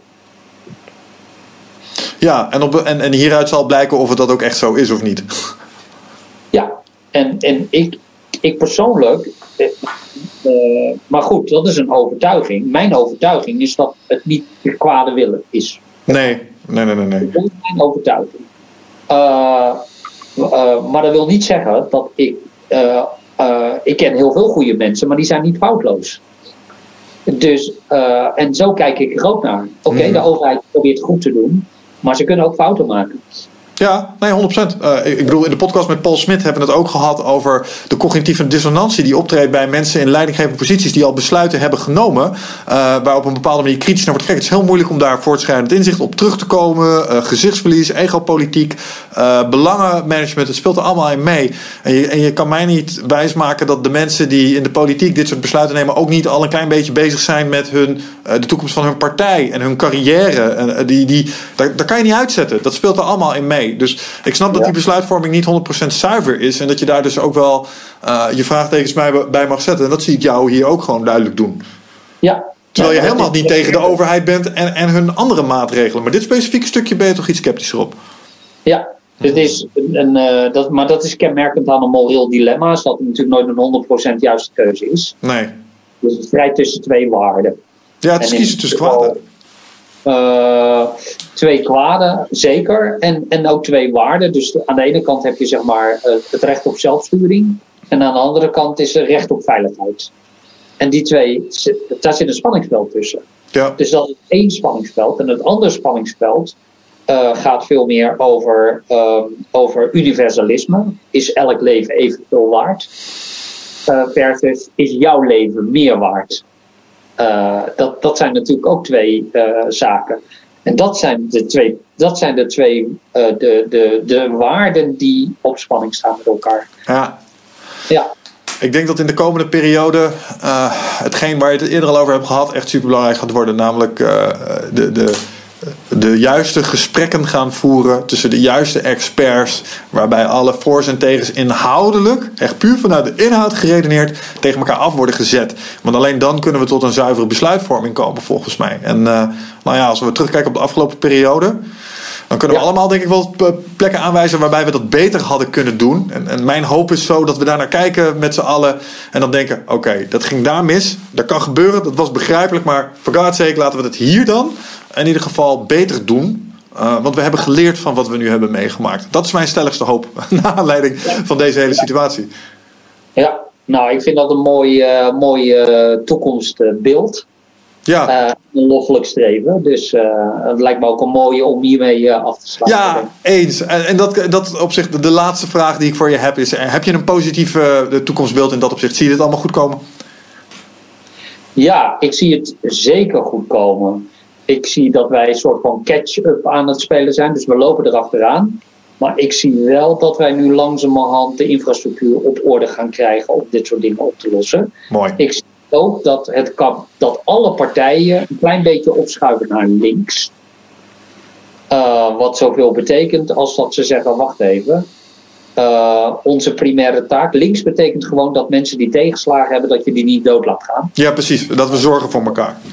Ja, en uh, dat is.